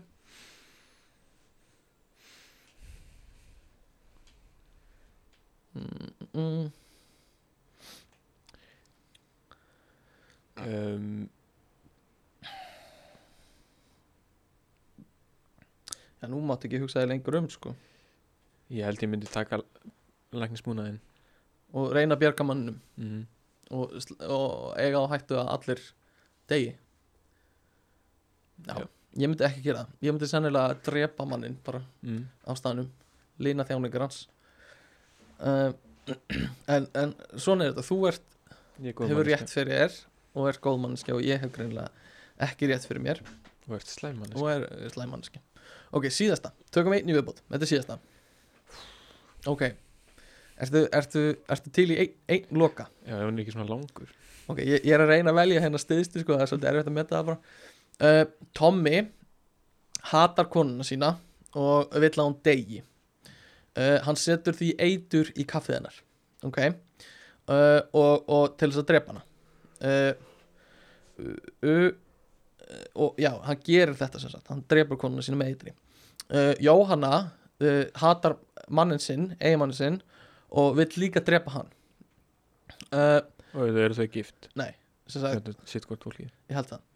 Um, dag einn uh, er uh, uh, já uh, dag einn setur eiginmaður semst Jóhannu eitur í eigið kaffi uh, og hann heldur að það sé rjómi. Hann gerir það óvart. Er það eitur frá Jóhannu? það stendur ekki. Bara er- eitthvað eitur? Já, býstu því um, Jóhanna átt að sjá þessu og er með mótefnið sem gæti bjarga honum. Uh, uh, en lætur hann ekki fá það uh, og eiginmaðurinn að deyr. Uh, hefur Jóhanna uh, já, já, hvort er verra? Já, sorry, já, þa já, það er spurningin. Ok, sorry, hvort er verra? Það sem Tómas gerði þegar hann setti eitur í, í, í, í kaffið hjá koninu sinni og drap hana. Hann mm. gerði það bara mm. og drap hana bara í, í köldublóði hvort er verra það eða það sem Jane gerði að hún veit að maðurinn hennar eitraði óvart fyrir sjálfum sér og hún hefur mótefnið og getur bjarga lífa hans mjög auðvitlega og veit það en hún gera það ekki. Hvort, hvort er hvort er verra og er eitthvað af þessu verra? Eða er þetta jamslega Ég held eh, Svona Ég held Við fyrstu sín held ég að það sé alveg jafn slæmt Já. um, Það að Sko ef að Jóhanna hafði allan tíman mm. það uh, á áalluninni að drepa mannin sinn mm -hmm. að þá er hún í rauninni þá finnst mér það jafngilt í að drepa mannin sinn ok ok en, en uh, þó að hann hafi drepið sjálfa sig basically Já, ef að þess, hvaðan kom eitrið Var þetta eitrið sem hún ætlaði að nota á hann? eða? Nei, ekkert endilega Við skulum bara rekna með því að það sé ekki þannig Það stendur ekki það Ok, já, ég meina ef hann gerði það óviljandi mm -hmm. þá og hún veit það og hún er með mót, mótitrið þá mhm. áttu ég mikið alveg á mun Nei, þið veist bara mjög svipað Alveg eins en svo er ég, ég er náttúrulega síðlaus Já, nei, já, já. Þó, þó allt sem þú segir sé rétt aðeistu Já. Ok, þetta voru svona þessar steyfyrirslegu pælingar sem ég var með uh, og skemmtilegar umræðir hérna sem uh, við komumst að góðri niðurstöðu með. Já, já. Um, varst, þú með varst þú ekki með einhverja bók sem þú varst búin að vera að lesa? Jú, ég er búin að vera að lesa bók sem heitir uh, The Ethics of Killing. Já, eftir uh, Abraham Jeff. Superman uh, Jeff Maca- McMahon eða eitthvað. Magman mm -hmm. og hérna Hvernig er þessi bók síðan? Nei, aldamótin cirka Ok. Hún fjallar fjallar aðalega um sko já bara siðfer, sem, já, siðferðið á baku það að drepa og þá eiginlega bara sem sagt börn eða Mhm. það er ekki börn eða jú reyndar, hann talar held ég eitthvað um það í bókinu líka um börn en aðalega sko um fóstureyðingar mm. og svo líknardráp Ok Er, er það megin viðfangsefnin? já, Ok hún, hún heitir sko The Ethics of Killing eitthvað svona uh, Questions at the Margin of Life eitthvað svona, þú veist, á jöðrunum þú veist, þegar fólk er svona þú veist, og- þegar það eru vafamál hvort að fólk sé á lífi mm -hmm. eða hvort að fólk sé hvort að manneskjan sé til Mm eða ekki. Ok. Þannig að það er ekkert að vera pælið í hvort það sé siðferðslega rámt að drepa 30 ára starfmann í bónus þú Einmitt. veist. Ok. Um, ég er þetta bara að blása í 30 en ég hlakka mér til Ok. að lesa framhaldið. En það er samt skemmtilegt sko hérna, þetta er náttúrulega heimspekingur og Mhm. þetta er sko að lesa þessa bók er svona eins og að lesa starfrækningu þrjú Já, ok þú, þú, þú þart, þetta er þung mm. og maður þarf að lesa hverja setningu svona þrísvar Mm. til þess að átta sig á inntækinu í henni og þegar þú ert búin að lesa hana og fatta hana að þá þegar þú loka bókinni þá gætir ekki útskýrt Mm -hmm. hvað er verið að reyna að segja Ok. eða svona, þú nær allan ekki öllum atriðunum. Ok. En sko fyrsti parturinn í þessari bók Mhm. að þá er hann að fjalla um svona sjálfið. Mm -hmm. hvað það er að vera ég. Eða það að rauninni vera einhver manneskja. Sem að ég held að hann fari síðan með það í, í áttina sko eins og með fóstureyðingar. Hvenar ertu að drepa mannesku Mm -hmm.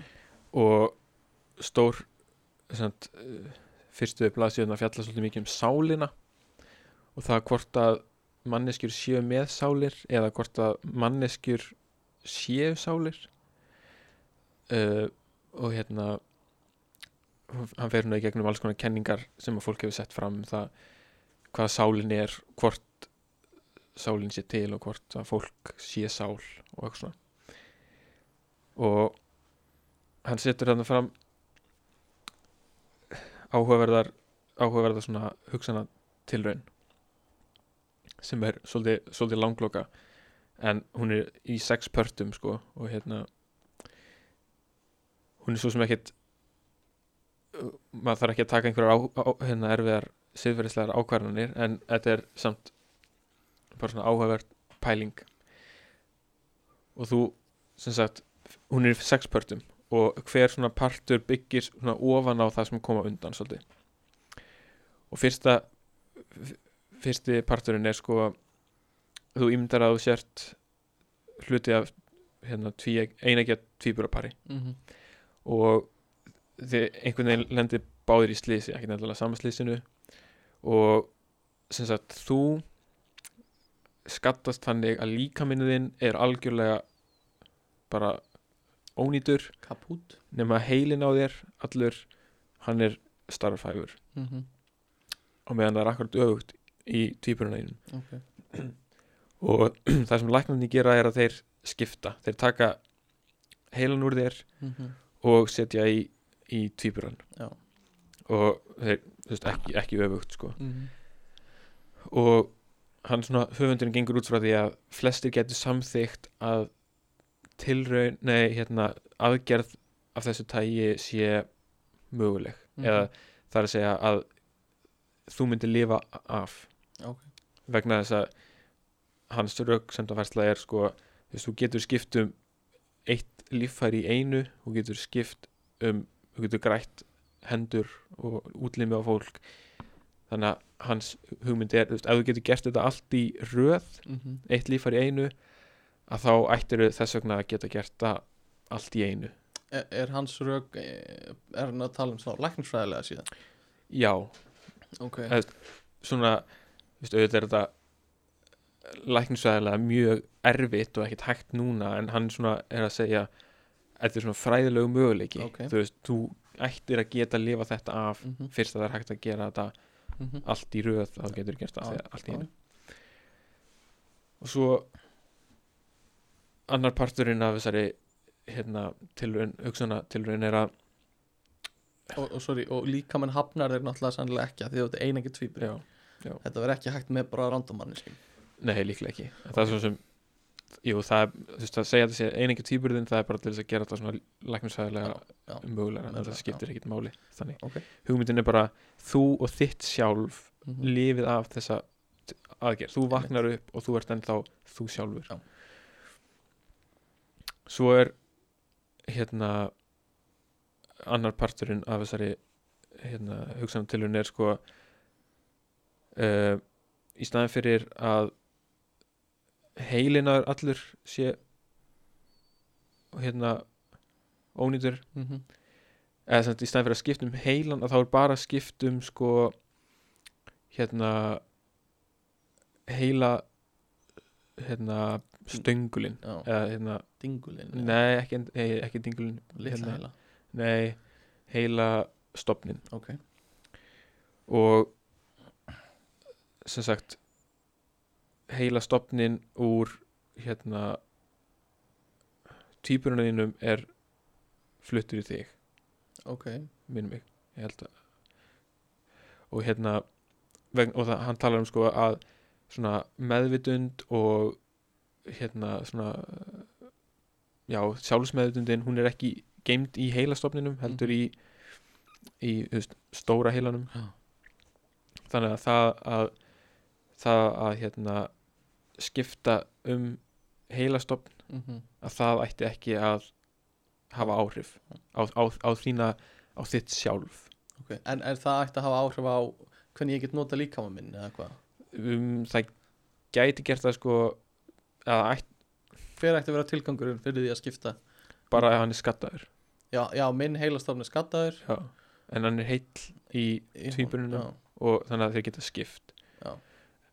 og hérna og, en það ætti ekki að hafa áhrif á þína sjálfsmeðutund eða þitt sjálf. Og þetta er kannski starfsemi heilan sem er bara þessi láta hjartað slá Já. og, og já, þú veist, láta þið svitna á réttum tíma Já. og eitthvað svona, þessi Bara sjálfvirka hegðun það er hugmyndin mm ok, svo er partur þrjú að það er, þá er henni er, lendur aftur í sambaralegu slísi Mhm. og þú gerðir áður -hmm. þannig að í fyrsta partinum nema núna hérna er heila stopniðin líka skattaður þannig að það sem er gert er að það er bara stóri heili sem er tekin eða, og litli heili kannski líka skiptir ekki máli, allt nema heila stopnin og flutt yfir í hérna tvíburðin sem var með restina alveg heila þannig að í rauninni þriðja scenarióið er í rauninni fyrsta pluss annað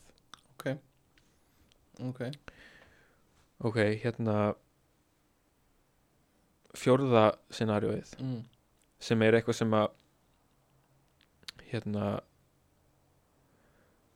uh, sem er hægt að gera Mm. og það er að sem sagt við erum ekki að tala um einhvern leginn slís og einhverja aðgerðir heldur nefnum bara að hérna veist, þessi aðgerð það sem er skorið á, á milli tengslinn á milli hægra og vinstra heila kvölsins Mm -hmm. sem er mögulega aðgerð Mhm. og fólk lifir hana af nema það er hérna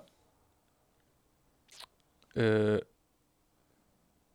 hérna þessi fólk er svona starfsemi hjá fólki er, er eitthvað öðruvísi -hmm. en, en hann segir samt í bókinni að það eru vísmyndingar um það að fólk, að sumir einstaklingar séu raunum jafnvígir á heilakvelin þannig að það sé ekki þannig endilega að annað heilakvelið stjórna einhverju sem að hitt gerir ekki. Eins og bara með tungumálið að þú ert með tungumála hæfileikanirinn í báð megin.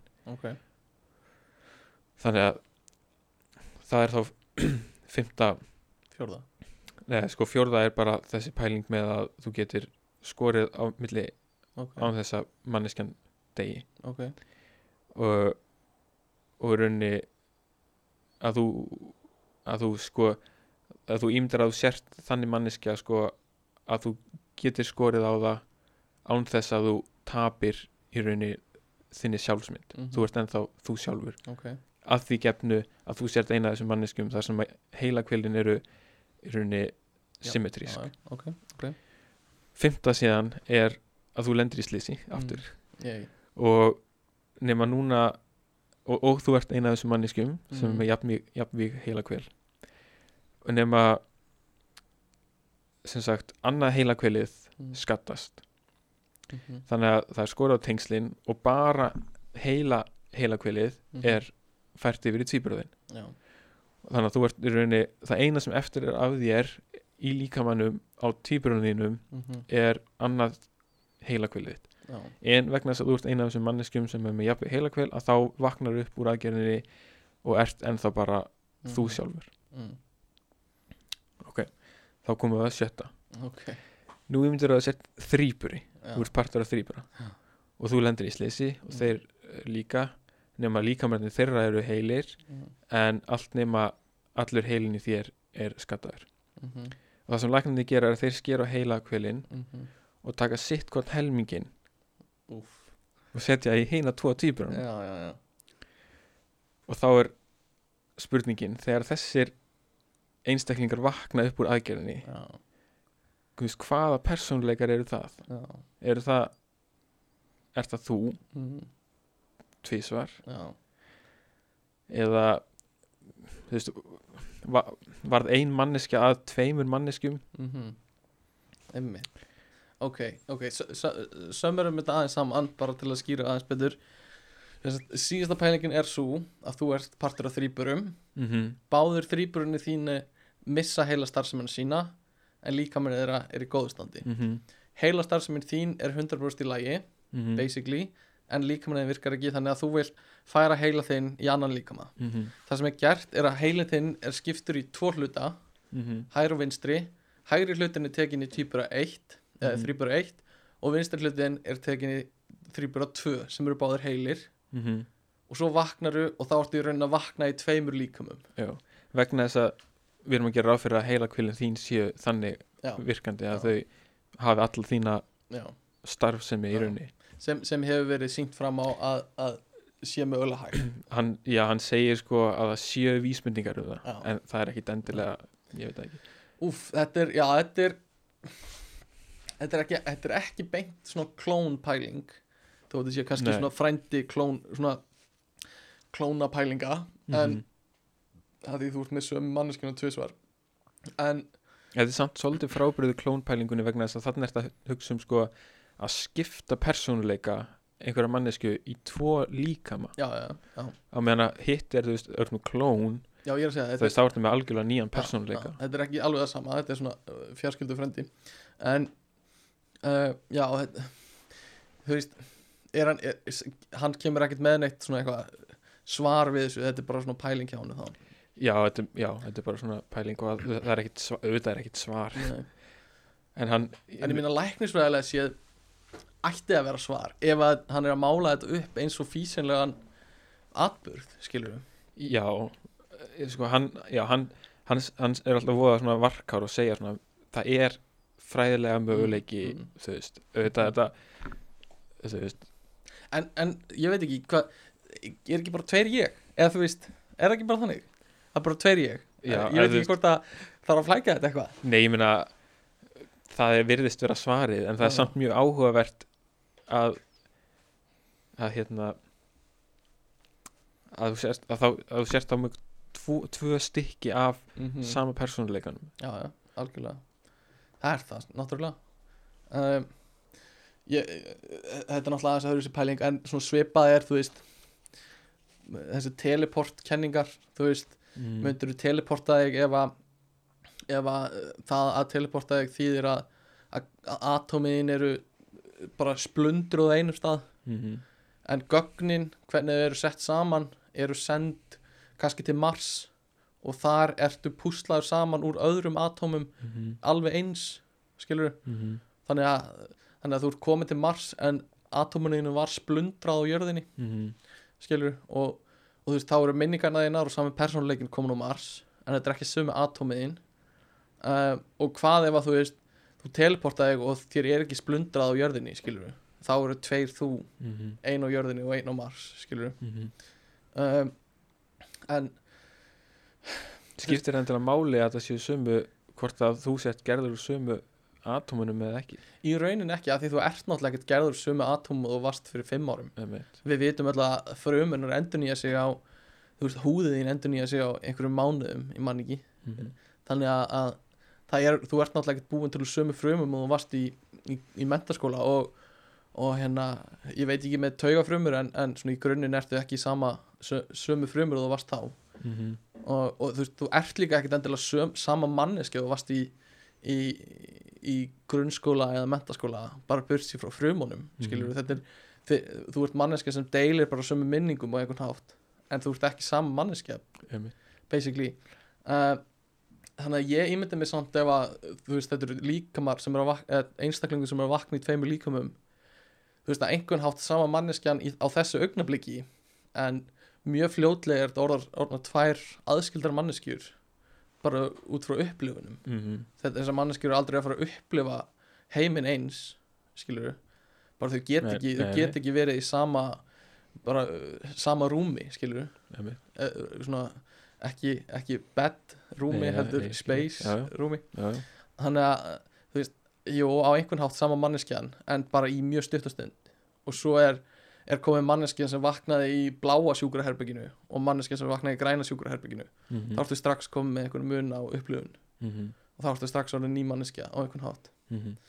þó að þið deili þessum, þessum, þessum minningum Já, einmitt hann var, ég held, mér minnir að þetta hafi verið í partunum af bókinu þar sem hann var, hún var mikið að pæla í sko sálum. Já, og hérna hvenar, þú veist, ef, ef við erum sálir Mm. eða við erum með sálir, annarkvort þú veist, hvenar verður sál til, veist og þá, hann var þarna að þá að hluta þessari pælingu var sko hvenar verður þá sál eða, hvor þessara líkama mm, fær sálina? Já er sálinni líka skipt mm eða verður allt í hennu til ný sál? Ef það verður til ný sál hvenær verður sálin, svo sál til? Mm Já, ég sko, ég myndi mér að þetta sé sko, í fyrsta lagi veit ég ekkert hvað sál á að vera. Kannski útskýra hana eitthvað í bókinni en fyrir mér er sál og svo huglegt mat á bara mannlega hegðun Já, en veit náttúrulega heimsbyggingar augljóslega búin að pæla í drasl í því hvað sál er og alls konar kenningar í bókinni þá er hann í rauninni endan á því að segja veist, hann endar alltaf á því að reykja allar kenningar um sáluna hann er Mm. basically að segja við erum ekki sálir. Það, er bara, það getur ekki verið. Sem að maður þarf ekki að hugsa mikið til þess að komast að þeirri niðurstöðu þannig. Og hann pæli líka í sko þú veist, sumir myndi að halda því fram að sálin verður til bara strax við getna, bara um leiða og fyrir maður verður til, Mhm. að þá verður til sál. Og og þá þá er hann líka að pæla ef það verður til einegja týpur af það sem að maður kannski búin að skipta sér þrís og fjóru sinnum, komnar 16 frumur og svo verður eitthvað þannig að það skiptist Já. og það verður til tveir einstaklingar þá er, og pæla hann hvenær verður þá setni sálinn til? Uh, Já, en þetta er náttúrulega líka eins og uh, það er náttúrulega ekki maður en þú veist, ef þú- skerð orm í tvent, skilur mm og það, uh, það eru tveir ormar en þeir lifa báður af Skilur og, Mhm. og hérna, þetta er náttúrulega ekki alveg eins en, en þetta er ekki sami ormur lengur, þetta eru tveir mismundi ormar þó Mhm. þetta hafi upprunnilega verið sami ormur uh, Já, þetta er, þetta er, þetta er áhugaverð pæling. Ef að reyna að halda áfram? Ertu með meiri pælingar? Tengdu þessu? um, ég veit ekki, mér finnst það bara skemmtilega skemmtilegt að pæla í þessu en, Mm Ég er sammála því. en þú varst reyndar bara til þess að halda áfram út í dúrin mm. með þú varst að tala um hérna þú veist að þú teleportar þig og þú veist Mm atómin enduraðast eða einhver önnur atóm enduraðast á Mars Já. þá er líka skemmtilegt að, að hugsa um sko ef að ef að hérna ef að alheimurinn er óendanlegur -hmm. og að þá þá ætti svona út frá einhverju líkindafræðilegum pælingum þú að vera til einhver starf annar starf ef hann er virkilega óendanlegur já. bara þú veist upp á enduröðin á Mm þú veist, mögulegar leiðir sem að ræða saman atóm að þá ættir þú að vera einhvers þar til með allar, allar þína sömu minningar. -hmm. Já, já. Og líka ég nema með andlitið þitt einhvers þar með mínar minningar. Með þína minningar. Um, já, já, það er alveg rétt. Uh, sko, mér langaði svolítið að fara í svona tips hvernig þú getur verið meira uh, siðferðislega þingjandi eða hvernig getur að haga þér á siðferðislegan hátt? Svona pop, pop tips uh, þannig að hérna það er einhver sem búin að taka saman lista hvernig ég get hegða mér sem, sem mest eth ethically í rauninni. Um, og uh, ætla að segðu mér hva, hvað þú hefur tilhengað þér á þessu. Ok, ok, fyrsta er hérna uh, gerðu engum mein eða do no harm. Og hérna bara verðu alltaf um, umhugað um það að, að hérna vil ég ekki gera neinu mein og hérna hvort sem það er í gegnum orð eða, eða líkama eða, að, að, eða svona hérna Gjörðir. actions, gjörðir. Mm. ertu, ertu svona svolítið hana? já. Já, veist já, ok. Ég, veist, ég, ég get örgulega ekki sagt að ég hafi alltaf gert það, gert það. En ok. Já, Uh, næsta er uh, reyndu að taka þátt í að, að hérna mm, bæta aðra í kringu þig. Uh, já, verðu verðu hérna meðspilari í því að, að, að aðrir í kringu þig sé að bæta sig líka. Taktu þátt í því. Mm uh, þannig að hérna þú, þú tekur þínar ákvarðanir líka út frá því að aðrir bæta sig í kringu þig. -hmm. uh, reyndu að, að, að hérna muna, eða reyndu að hugsa ímynda er hvernig þín verður minnst í framtíðinni Reynd, Mhm. reyndu að hafa það í huga þegar þú tekur ákvarðanar og hegða þær -hmm. hvernig viltu að þín sé minnst uh, og svo bara gullnareglan bara Mhm. komdu fram við aðra eins og þú vilt að aðri koma fram við þig -hmm. og uh, og svo er síðast að reyndu að, að, að hérna, viðurkenna mistökið þín og hérna og svo bara halda áfram eftir mistökin ekki dvelja Mhm. getur þú sagt að, að þú uppfyllir þetta? um, hvernig hjálpar það mér siðferðislega að Mm. dvelja ekki við mistökin mín þetta, þetta, þetta er góð regla eða góð svona góð ábending en hvernig hjálpar það mér siðferðislega frekar, frekar en eitthvað eitthva annað Um, náttúrulega að læra af þeim bara og, og ég get ímyndið mér að það sem dvelur endalust við mistöku sín er vill kannski ekki gera nýja hluti og, og hérna. Um, já, ég get lesið hérna bútin sem hann skrifar meira við þetta sko en hérna uh, hann segir sko þessi sem skrifar þetta hann sé ekki fullkominn og, og gerir, uh, gerir alveg eitthvað að mistökum sjálfur og hérna og allir gera það jú. En hérna þegar hann gerir það þá reynir hann að, að viðkenna strax og, og uh, lofar að gera það ekki aftur uh, og reynir að gera allar það ráðstafanir uh, þannig að hann breyti hegðun sinni út frá því mm -hmm. um, og uh, bara hann, hann og bara hann eru, eru hérna uh, eru á, bera ábyrð á uh, hans ákvörðunum og, og gjörðum og hérna mm, og hann er bera ábyrð á hérna og, og hann ber ábyrð á öðru fólki líka þegar hann gerir mistökin sín. Mm í rauninni. Ok. Já, ok, ég sé það, ég sé það kannski núna. Þetta, þá er þetta kannski meira siðferðislegi parturinn er það að er að viðurkynna mistökin mm og, en ekki já, taka þau á sig -hmm. þegar maður veit að maður gerði mistök. Þetta er það siðferðislega rétt. Mm. En Ok. með hérna gullnu regluna já, ég man ekki hvað ég var að lesa en ég las einhverstaðar að las þessa pælingu að hún þú veist, hún hljómar rosa skinsamleg já, en það eru samt svona gallar á henni. Já. Eins og hérna þú veist, jú, komdu fram við aðra eins og þú vilt aðri komi fram við þig. Mm en segjum að ég sé þess þannig þengjandi -hmm. að ég lít bara svo á að konur séu bara óæðri Mm -hmm. og veist, það þurfi ekki að koma vel fram með konur því að þær eru bara óæðri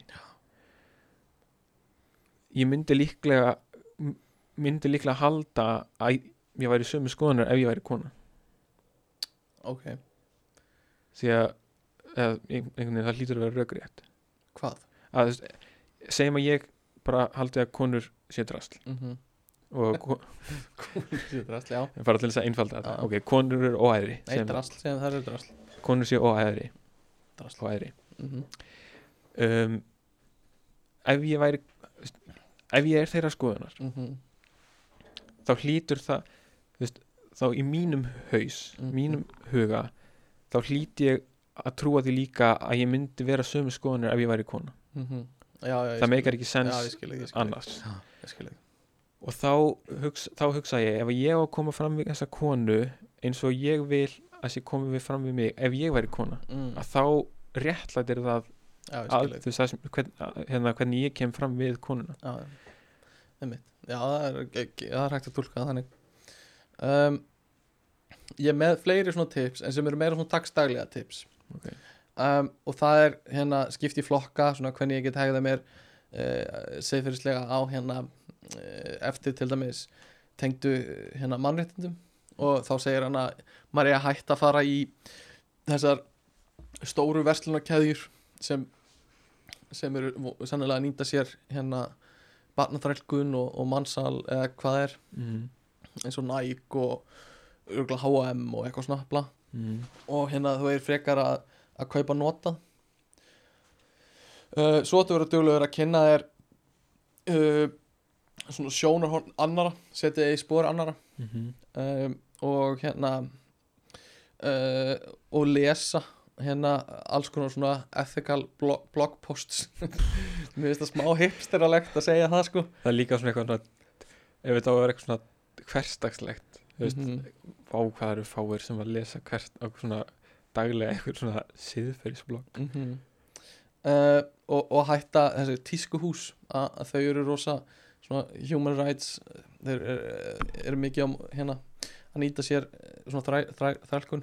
Mm -hmm. uh, og hérna svo segir hann eða hún eða hann eða ekki hann uh, að hætta að- nota snjallsíma að kaupa snjallsíma sem, sem er líka svona human rights meðvitaður ekki nota bara afsökunum ég þarf að kaupa með snjallsíma og kaupa þér iPhone eða Samsung. Í rauninni bara er hann að segja ekki kaupa neitt sem er Í framlýtt í Kína. í og í svo endar viðkomandi á að segja sko uh, make, já vertu meðvitaður um það að, að fötin sem gengur í eru ekki að cul- culturally appropriata eitthvað annað culture. Mhm. uh, sko það er öllum á ofgera ég veit ekki hvort þetta er að fara yfir línuna margt af þessu en þú veist þetta er kannski að þú vilt gera bara fara í ystu æsar Mhm. skilur uh, sko ég veit ekki hvað maður það, ég veit ekki hvort það er lægi að segja en það er stundum erfitt að vera up to date á öllu sem má ekki. Stundum heyri ég eitthvað sem má ekki lengur og ég hugsaði mm, við datt ekki huga að þetta veri ekki í lagi. Eins og að hafa fasta fléttur og eitthvað svona. Mm -hmm. að, að það er, þú veist þannig að hversu langt á maður að ganga í að lesa ethics bloggin og þú veist fylgjast með þessu og, og þú veist hve- hvenær er bara svona ok, ég gerir bara það sem ég get Mhm. og svo bara svo er ekkert hægt að lifa í heimi Mhm. algjörlega eh, bara ethics laus. Algjörlega. En það er með þú veist, þetta eh, það má ekkert lengur bla bla bla. Um, þú veist margt af því sem að hefur komið fram er er hérna bara rétt eða þú veist skinsamlegt mm -hmm. eitthvað svona ok þetta við gerðum þetta lengi en ok þetta er kannski ekki sniðst já, en þú veist, í siðferði eða siðfræði eins og bara í öllu þú veist, Mhm. það koma fram góðar hugmyndir og svo koma fram líka einhverju hugmyndir sem er ekkit endilega svo góðar. Já, þó að þær þó að þær kannski njóti vinsalda sem hugmynd í einhvern tíma hjá einhverjum hópum sem Mhm. eru kannski ábyrrandi eða háværir í samfélaginu þýðir ekki endilega að það séu góðar þannig að þú veist eins og bara með þú talar um að vera með fastar fléttur Mhm. sem að það vart að meina sem form af menningarnámi já, um, þú veist það gæti alveg kannski kem- kemur í ljós eftir einhver tíma ok, þú veist þessi hugmynd var kannski ekki góð hugmynd. Að banna. að banna Já. þetta. Einmitt. þú veist, ég get alveg sé fyrir mér að menningarnám í einhverjum tilvikum er ekki góð hugmynd. En í Mhm. öðrum tilvikum bara allt í góðu. Mhm, þú veist að vera með fasta fléttur ef ég er bara með fasta fléttur vegna sem ég finnst fasta fléttur vera flottar. Mhm. og er, er ekkit að því vegna þess að reyna að vera eins og einhver annar. Nei, eða þú veist, fléttur, dreddar líka. Já, ganga í kimono, svona japansku klæðnaði. Já. Þú veist, það er svolítið erfitt einhvern veginn að að bæði vilja alþjóðavæðingu Mhm. og einhvern veginn svona hérna, að allir séu bara hnattrænir borgarar Já, global citizens og líka bara kunna að meta menningu annara já, þú veist, já að, þú veist, hvenar ertu þannig að hérna bara hei, ok, þessi er í hérna japanskum hefðbundum klænaði, Mhm. þú veist, bara flott þú veist, eða þú veist, eða er hann að einhvern veginn að reyna að nýta sér menningu Mhm. annara þjóðar eða annara, þú veist, eins og með með hérna þú veist, hlýtur svolítið að vera hluti af þessu, veist, er einhver að reyna að græða á þinni menningu? Mhm, er einhver að taka þína menningu og gera hana sinni mhm, og einhvern veginn reyna að græða á því? Mhm. eða, en ekki bara eitthvað svona hei, mér finnst þetta flott. Já. Það er líka partur af þessu þessi, þetta gatekeeping uh, mentality að þú veist ég er partur af þessari heild mm -hmm. og þú mátt ekki koma inn í þessa heild. Um, að Það þú ert ekki svona og þú veist svo getur alveg komið upp einhver svona jaðarastæður þar sem þú byrjar að dæma fólk sem á ekki rétt á sér eins og þú veist uh, þú ert hálfur af einhverjum uppruna af einhverju, einhverju kynta, þú veist svartur eða asískur eða eitthvað en Mhm. það sést ekki á þér og, og, og máttu þá ekki þú veist, ný, þú veist taka þátt í, í menningu forfeðraðina bara Mhm. því útlitið þetta er ekki nógu svart eða Mhm. nógu asískt til þess að þú veist að þú lítur bara mjög þú veist, hvítur út basically. Mm og hérna a, veist, og þá ertu kannski verður fyrir einhverju svona aðkasti og, og hérna frá einhverju fólki sem býst bara við því að þú sért einhvern veginn eh, að, að, að þú veist, stunda menningarnám eða eitthvað. -hmm. geta orðið svona, svona jaðar, þetta eru jaðartilfelli en það geta orðið alls konar svona vafa sem veist, hvenar ertu hættur að vera svartur? Er það einn áttundi svartur? -hmm. eða einn sextándi? Eða Mhm. bara hálfur? -hmm. og það er náttúrulega erfitt að setja einhver svona leipul á þetta en það er svolítið það er svolítið það sem þetta er að bjóða hættunni heim þetta menningarnám er að þú veist þú þarft að setja einhver leipul á þetta til þess að vita hvenær þú mátt og hvenær þú mátt ekki gera eitthvað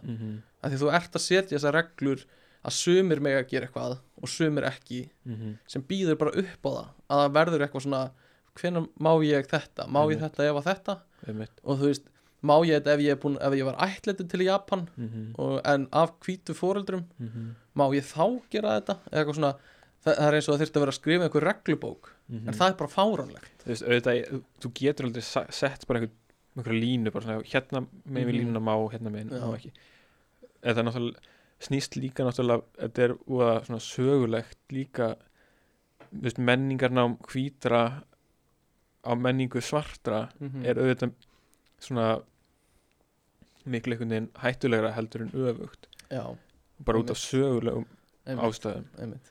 en maður getur líka hort á menningarnám sem sko eitthvað svona einhverju leiti jákvætt fyrirbæri þú veist Mhm. bara það að einhverja hugmyndir saman hvort það er fatastíl eða eitthvað Mm verður til einhver staðar og svo er einhver annar sem að tekur hann og þróar hann einhvert lengra -hmm. óháði endilega hérna þú veist hvort hann sé hvaðan hann endilega kemur Mhm. eins og bara með þú veist jazz eða eitthvað Mhm. eða einhverjum svona tónlistastefnur sem að voru til eða urðu til kannski í hérna, ég veit það ekki þú veist Louis- Louisiana í bandaríkjunum eða eitthvað þú veist þar Mhm. sem að byrjaði sem bara jazz og blues jazz og blues sem veist svartir að reyna að tjá sig já, og svo þú veist væntalega á einhverjum tímapunkti voru einhverju hvítir sem að heyrðu tónlistuna og bara hei þetta er töff, þú veist Mhm. ég vil líka spila svona tónlist já, þú veist það er menningarnám já, já. þú veist alveg eins og hitt en það er samt þú veist ég held að séu samt allir ánæður með að það hafi gerst Mhm. því að þú veist það bara breykaði Mhm. flóruna í rauninni, vikaði út í rauninni þessa stefnu Mhm. og var, var það einhverju öðru síðan Já, sko ég er með eina svolítið mjög hættulega pælingu og ég átti með því að þetta er, þetta er ekki það sama uh, en, en svona ég veit ekki, þú veist ég er ekki alveg já, ég, þetta verður mjög hættuleg pæling ok, þú veist, og ég vil að fólk viti að, að ég hef veist, ég er ekki hérna uh, hef ekki eitthvað svona sterka skoðun á þessu eða eitthvað svoleiðis sem ég, ég bara svona mér langar svolítið bara svona að opna og sjá hvert þetta fer. Ok. Og þetta er tengist úr þrælahald í bandaríkjunum. Mm. og við náttúrulega, við höfum ekkert kynst þessu á Íslandi. Þú veist, ég hef aldrei búið í bandaríkjunum ég veit ekkert um menninguna hjá svörtu fólki í bandaríkjunum þannig séð bara annað en maður hefur séð í bíómyndum og lesað á netinu og eitthvað svona. Mm. en það er ekki neitt. Þú veist, ég hef aldrei búið hana, ég hef aldrei upplifað þetta ég mun aldrei upplifað þetta. En það er þessi pæling, þú veist með, með hvernig þú veist, hvítt fólk hefur komið fram við svart fólk í sögulegu samingi uh, þú veist uh, fólk frá ég, ég held það að fólk frá veist, slavlöndunum og eitthvað hafa aldrei verið með svarta þræla. Veist, þannig að austur-Evrópu og eitthvað svo leiðis Mm. ég veit það ekki alveg en ég svona ímynda mér það að það eru svona hvítir hópar sem hafa aldrei átt svarta þræla Mm. uh, en eru þau samt eiga þau að vera partur af hópnum sem skammast sín fyrir að hafa átt svarta þræla og, og sama eins og Íslandi við erum sennilega afkomdur þræla Mm. að- frá Írlandi ég er, og þú veist bara svona mjög einföldun, mikil einföldun ég er með rautt hár í skegginu mínu til dæmis Mhm. þú ert rauðherður það er mjög líklegt að við komum af írsku fólki mögulega írskum þrælum Mm. Þú veist, við, við erum afkomdu þræla að einhverju leiti Mm. uh, en, en þú veist uh, en við höfðum og mögulega einhverju þræla höldunum líka skilur við, Mhm. það er mjög líklegt uh, en hérna en við áttum aldrei svarta þræla býst ég við á Íslandi. Mjög ólíklega. Já. uh, ég, uh, þú veist á að draga þú veist alla að hvíta undir hennan hatt að hafa lagt svarta fólki í þrældóm? Alls ekki. Held, nei, það held ég ekki. En gæti ég farið til bandaríkina og þú veist ekki fengið þennan skít yfir mig að vera hvítur þú veist, þræla, komin af hvítum þrælahöldurum þú veist, það það er ekki endilega stóra málið þú veist, svartir og hafa lent í mörgu öðru heldur en bara þrælahaldinu sem, sem er, þú veist svona systematic racism já, já, sem þeir hafa lent í. En samt einhvern veginn eða, ég veit ekki, mann finnst eins og það svona reki samt ræturnar aftur til þrælahalds já, já, eh, það er eins og það er svo, nokkur, já, það gerir það nokkur veginn. Uh, en ég og, og þú veist, ættingjar mínir uh, gerðum það ekki eða þú veist, tókum ekki þátt í þessu þrælahald í bandaríkjanum og, en þau eru samt ennþá einhvern veginn uh, að, að þú veist að svolítið benda á hvíta fólki í bandaríkjanum og segja, þú veist þitt fólk hjælt mínu fólki í þrældómi Mhm. og þess vegna, þú veist, eitthvað svona það er ennþá verið að benda á þetta að þú veist, þú á móti mér, einhvern Mhm. veginn uh, ég, ég veit ekki, þú veist ég veit ekki hver á að taka ábyrðina og þú veist, á einhver að taka ábyrð á þú veist, svörtu þrælahaldurunum að vera allt hvít fólk eða bara hvítir þrælahaldarar? Þú veist, ég held að mér finnst einhvern veginn skrítið að, að gera fólk núna árið 2021 Ábyrgt. fyrir Mhm. einhverju sem gerðist árið mm 1800 eitthvað. Og þá kemur náttúrulega þetta systemic racism inn í þetta þú veist að það er vandamálið í dag. Já, en oft finnst mér samt að vera að tala um þetta þetta þræla þú veist, afkomandi þræla og já. þræla haldra algjörlega. Það, já, já, það er alveg maður er alveg heyrt þessa, þessa pælingu. Og en, en er ég einhvers konar eða þú veist, við sem eru ko af, komin af þrælum líka? Þú veist, höfum við einhver einhver við að, taka þátt í þessar umræðu á einhvern hátt? Þú veist, og á hvað grundvelli ættu við að gera ég held að við höfum ynga ástæðu til þess. nei, nei, nei, nei, ég, er alveg Ég- saman já, því. ég veit, Ég að- ég 100% veit, sammála því. ég veit þú ert búin að pæla sko, þannig að ég er bara að taka þátt í pælingunum. Þú veist, mun þetta, þetta væri svo allt öðruvísi Mhm. í bandaríkinum ef að það hefði bara verið þarna frelsis yfirlýsingin Mhm. allir jafnir búið. Já, einmitt.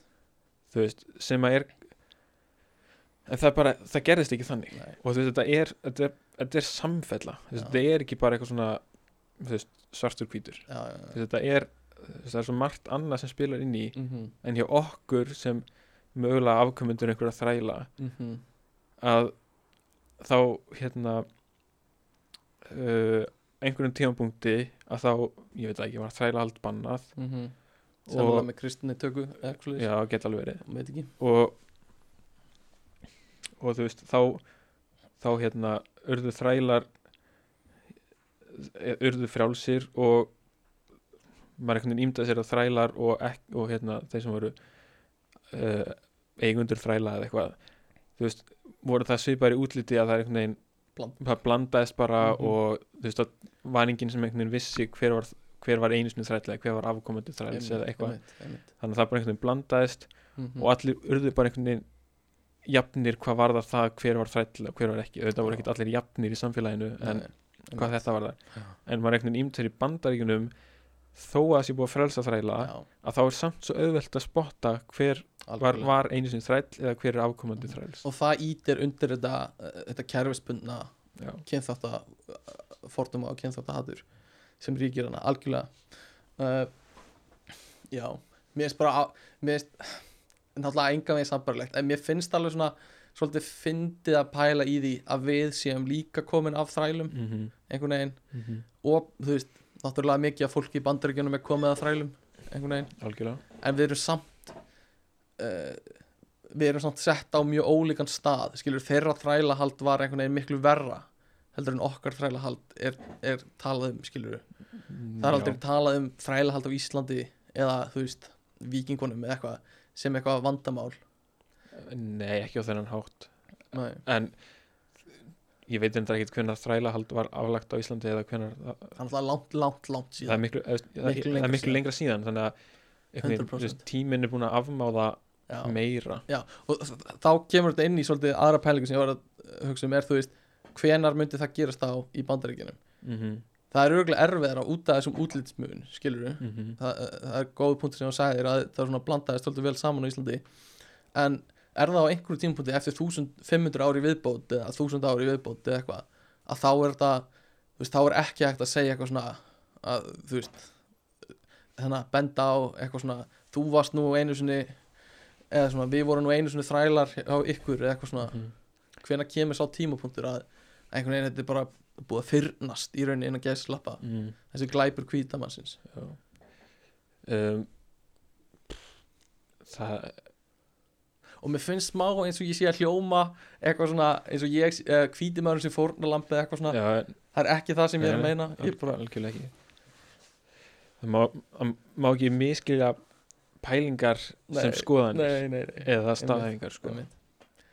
um, Þú veist, ef við erum að hugsa um eftir 500 ár Mhm. þú veist, hvort að veist, það fer þá bara eftir hvort að samfélagið í bandaríkinum sé orðið raunverulega já, já, einmitt þú veist, ef það er þú veist, ef það, ef það gerist árið 2200, segjum það Mhm. að þú veist, þá er allir sammála um að svartir og hvítir séu algjörlega jafnir. Og allir takast í hendur og bara, já, já, all, þetta þú veist, búið þetta er bara, er bara rasismi er no more. Já, að þá þú veist, þá einhvern veginn ef það er árið 2100 þá árið 2200 Mhm, þá einhvern veginn ímynda ég mér ekki að það séu öll þessi vandamál ennþá. Mhm, það er ennþá verið að benda á það eitthvað svona, heyrðu þú hérna þú ert afkomandi þræla haldara mhm, og ég er afkomandi þræls. Já, og það býr til eitthvað tensjón á milli Já, ykkar. já, þú veist ég held að þetta tensjón væri ekki nema það væri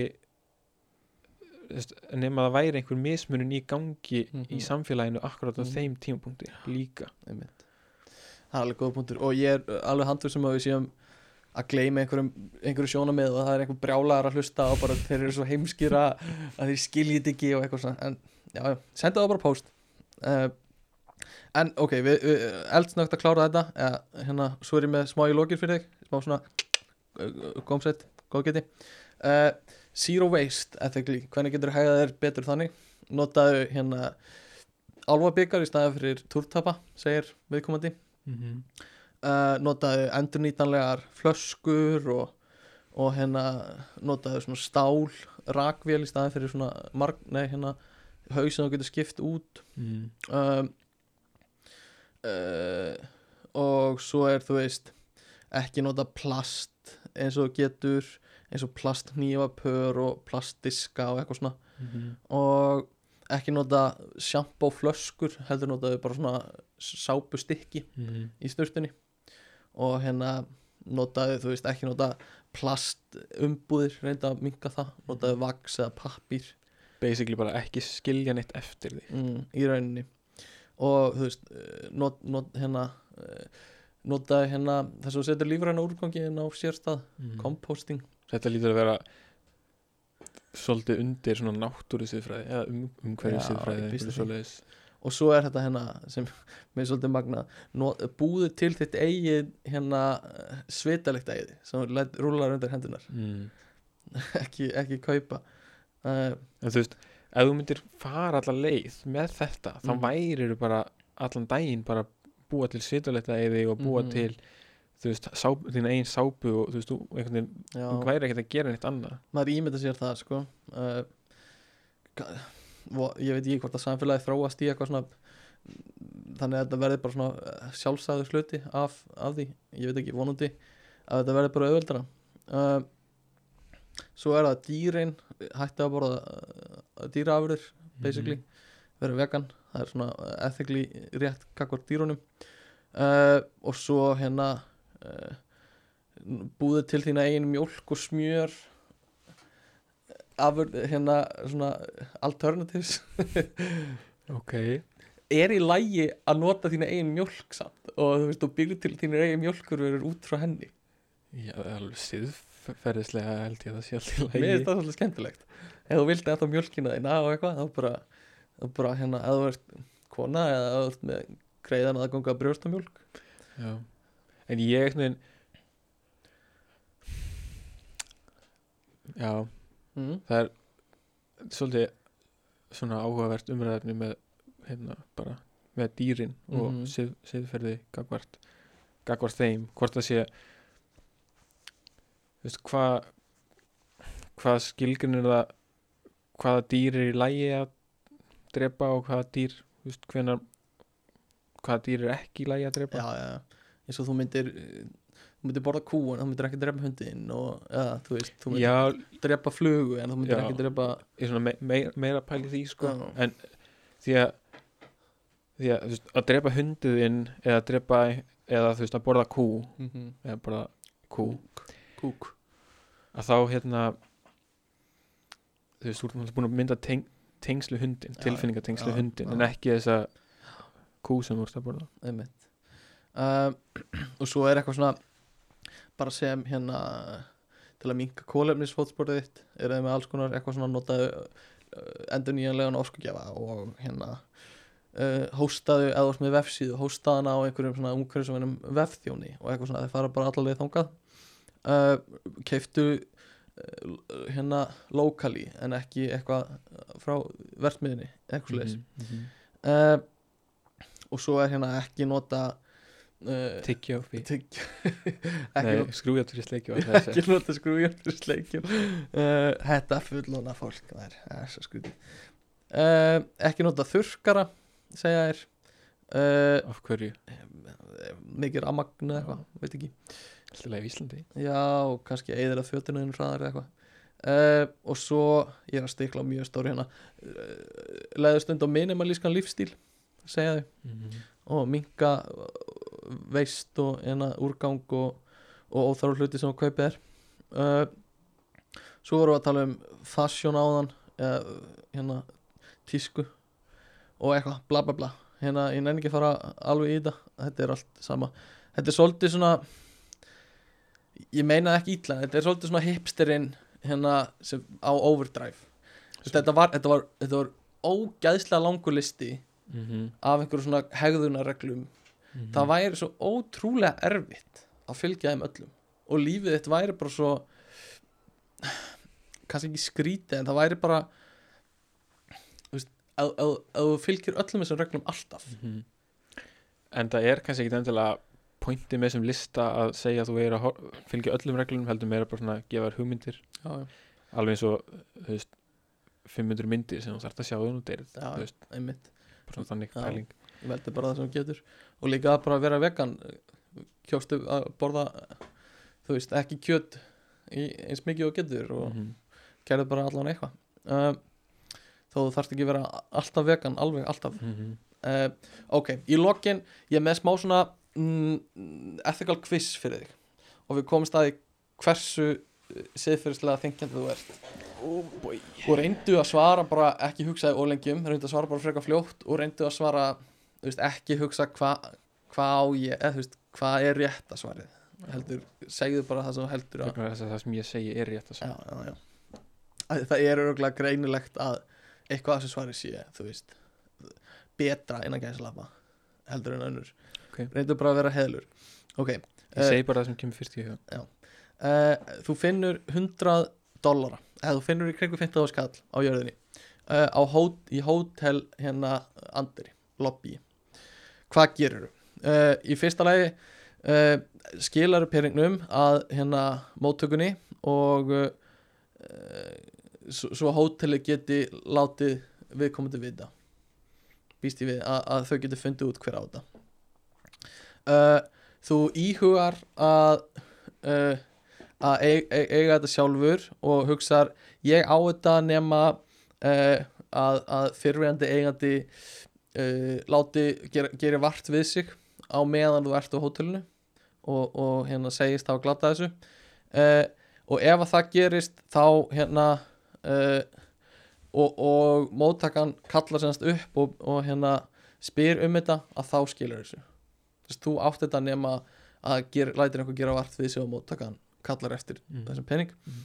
og síðasta þú bara trúir á sáfund sem finnur heimsbyggina og þú ætlar að, að hérna, halda bara peningnum og þú vilt ekki gefa pening semst gefa lobbyinu peningin semst móttökunni uh, uh, og hérna uh, og að því þú heldur hvað sem er að þau bara ætla að heyra þetta hvað sem er þó, þó þú lætir lobbyið fá þetta bara strax þá, Mhm. þá munið þau örgulega ekki reyna að leita neinum Mhm. ég myndi örgulega skila peningum heldur það? já, ég held ég myndi gera það að þú myndir finna tíu skall einhvers staðar í einhverju hóteli. Örgulega því að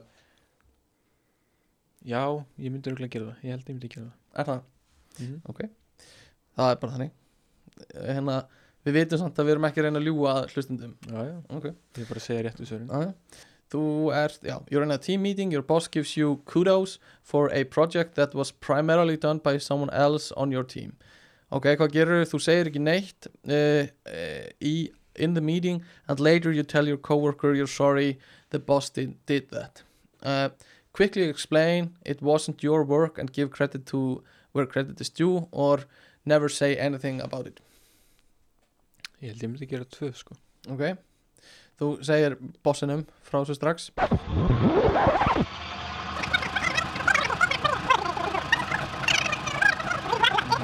þú ert það sem heitir rationalizer. Uh, og hérna uh, hérna take a look at the þú er semst 60% rationalizer. Anything greater than 0% reveals that in some cases rationalization, rationalizations and self-interest may drive your behavior. Það er ekkert annað.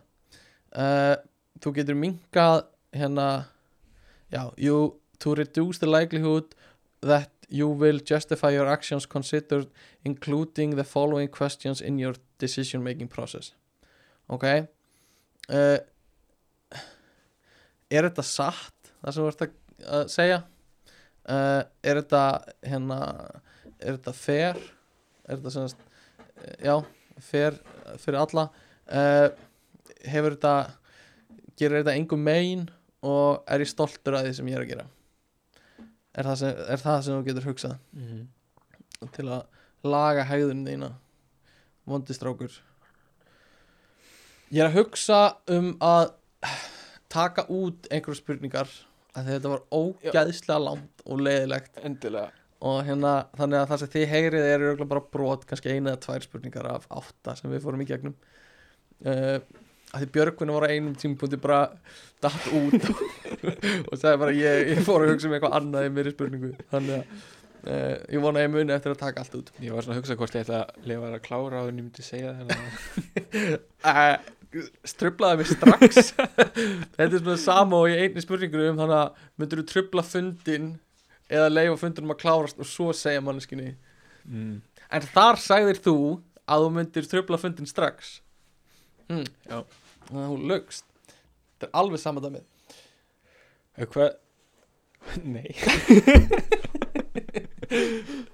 Reynda með hennar fund, hvað eru margir á þessum fundi? Er þetta starfsmannafundur í öllu fyrirtækinu? ég myndi segja alveg alveg, alveg margir Þá, veist, ef þetta eru stór fundur, þá myndi Mhm. örugglega ekki, ég myndi ekki standa upp á fundinum og, ég held að En- það hafi verið spurningin sko ok, ég held, ég myndaði mig bara eitthvað svona, þú veist, eða það er bara fimm manns þá er þetta allt annað þá myndi ég öruglega ekki standa upp á fundinum, Nei. en ég myndi lí, líklega fara hitta manneskjuna sem að flutti Mhm. eða var að tala og segja henni frá því, eftir Þú á já, já. finnst ekkit endilega mikilvægt eða þú veist jú, kannski, að ég veit ekki að hérna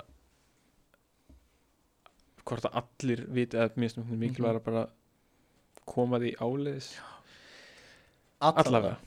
Uh, Þetta er búið að vera allt og langur þáttur uh, mögulega lengst sem við tekið upp. Það endar verður alltaf alltaf lengur og lengur. Uh, þannig að ég veit ekki hvað við gerum. Við getum náttúrulega skipt þessum upp í aftur annað þátt. Að því upprunalega átti síðasta þáttur að vera inn í þessum þætti en hann var svo langur að við ákomum að skipta upp. En hérna ég held að sé ekkert meira þannig séð. Bara ég vona að allir hafa lært hvernig á að hegða sér rétt uh, og, og vel og, og siðfer, á siðferðislegan hátt. Uh, og bara, ert þú með eitthvað sem þú vilt koma framfæri með lögin? Í nei, senda post, ekkert að frétta at gmail. Já, endilega sendið posta ég vil vita um, hvað eitthvað finnst um mig. og já, endilega segja hvað ykkur finnst um Björgvin og, og, Instagram, hafið samband líka þar. Allavega, uh, takk fyrir okkur. Og já, bye. Bless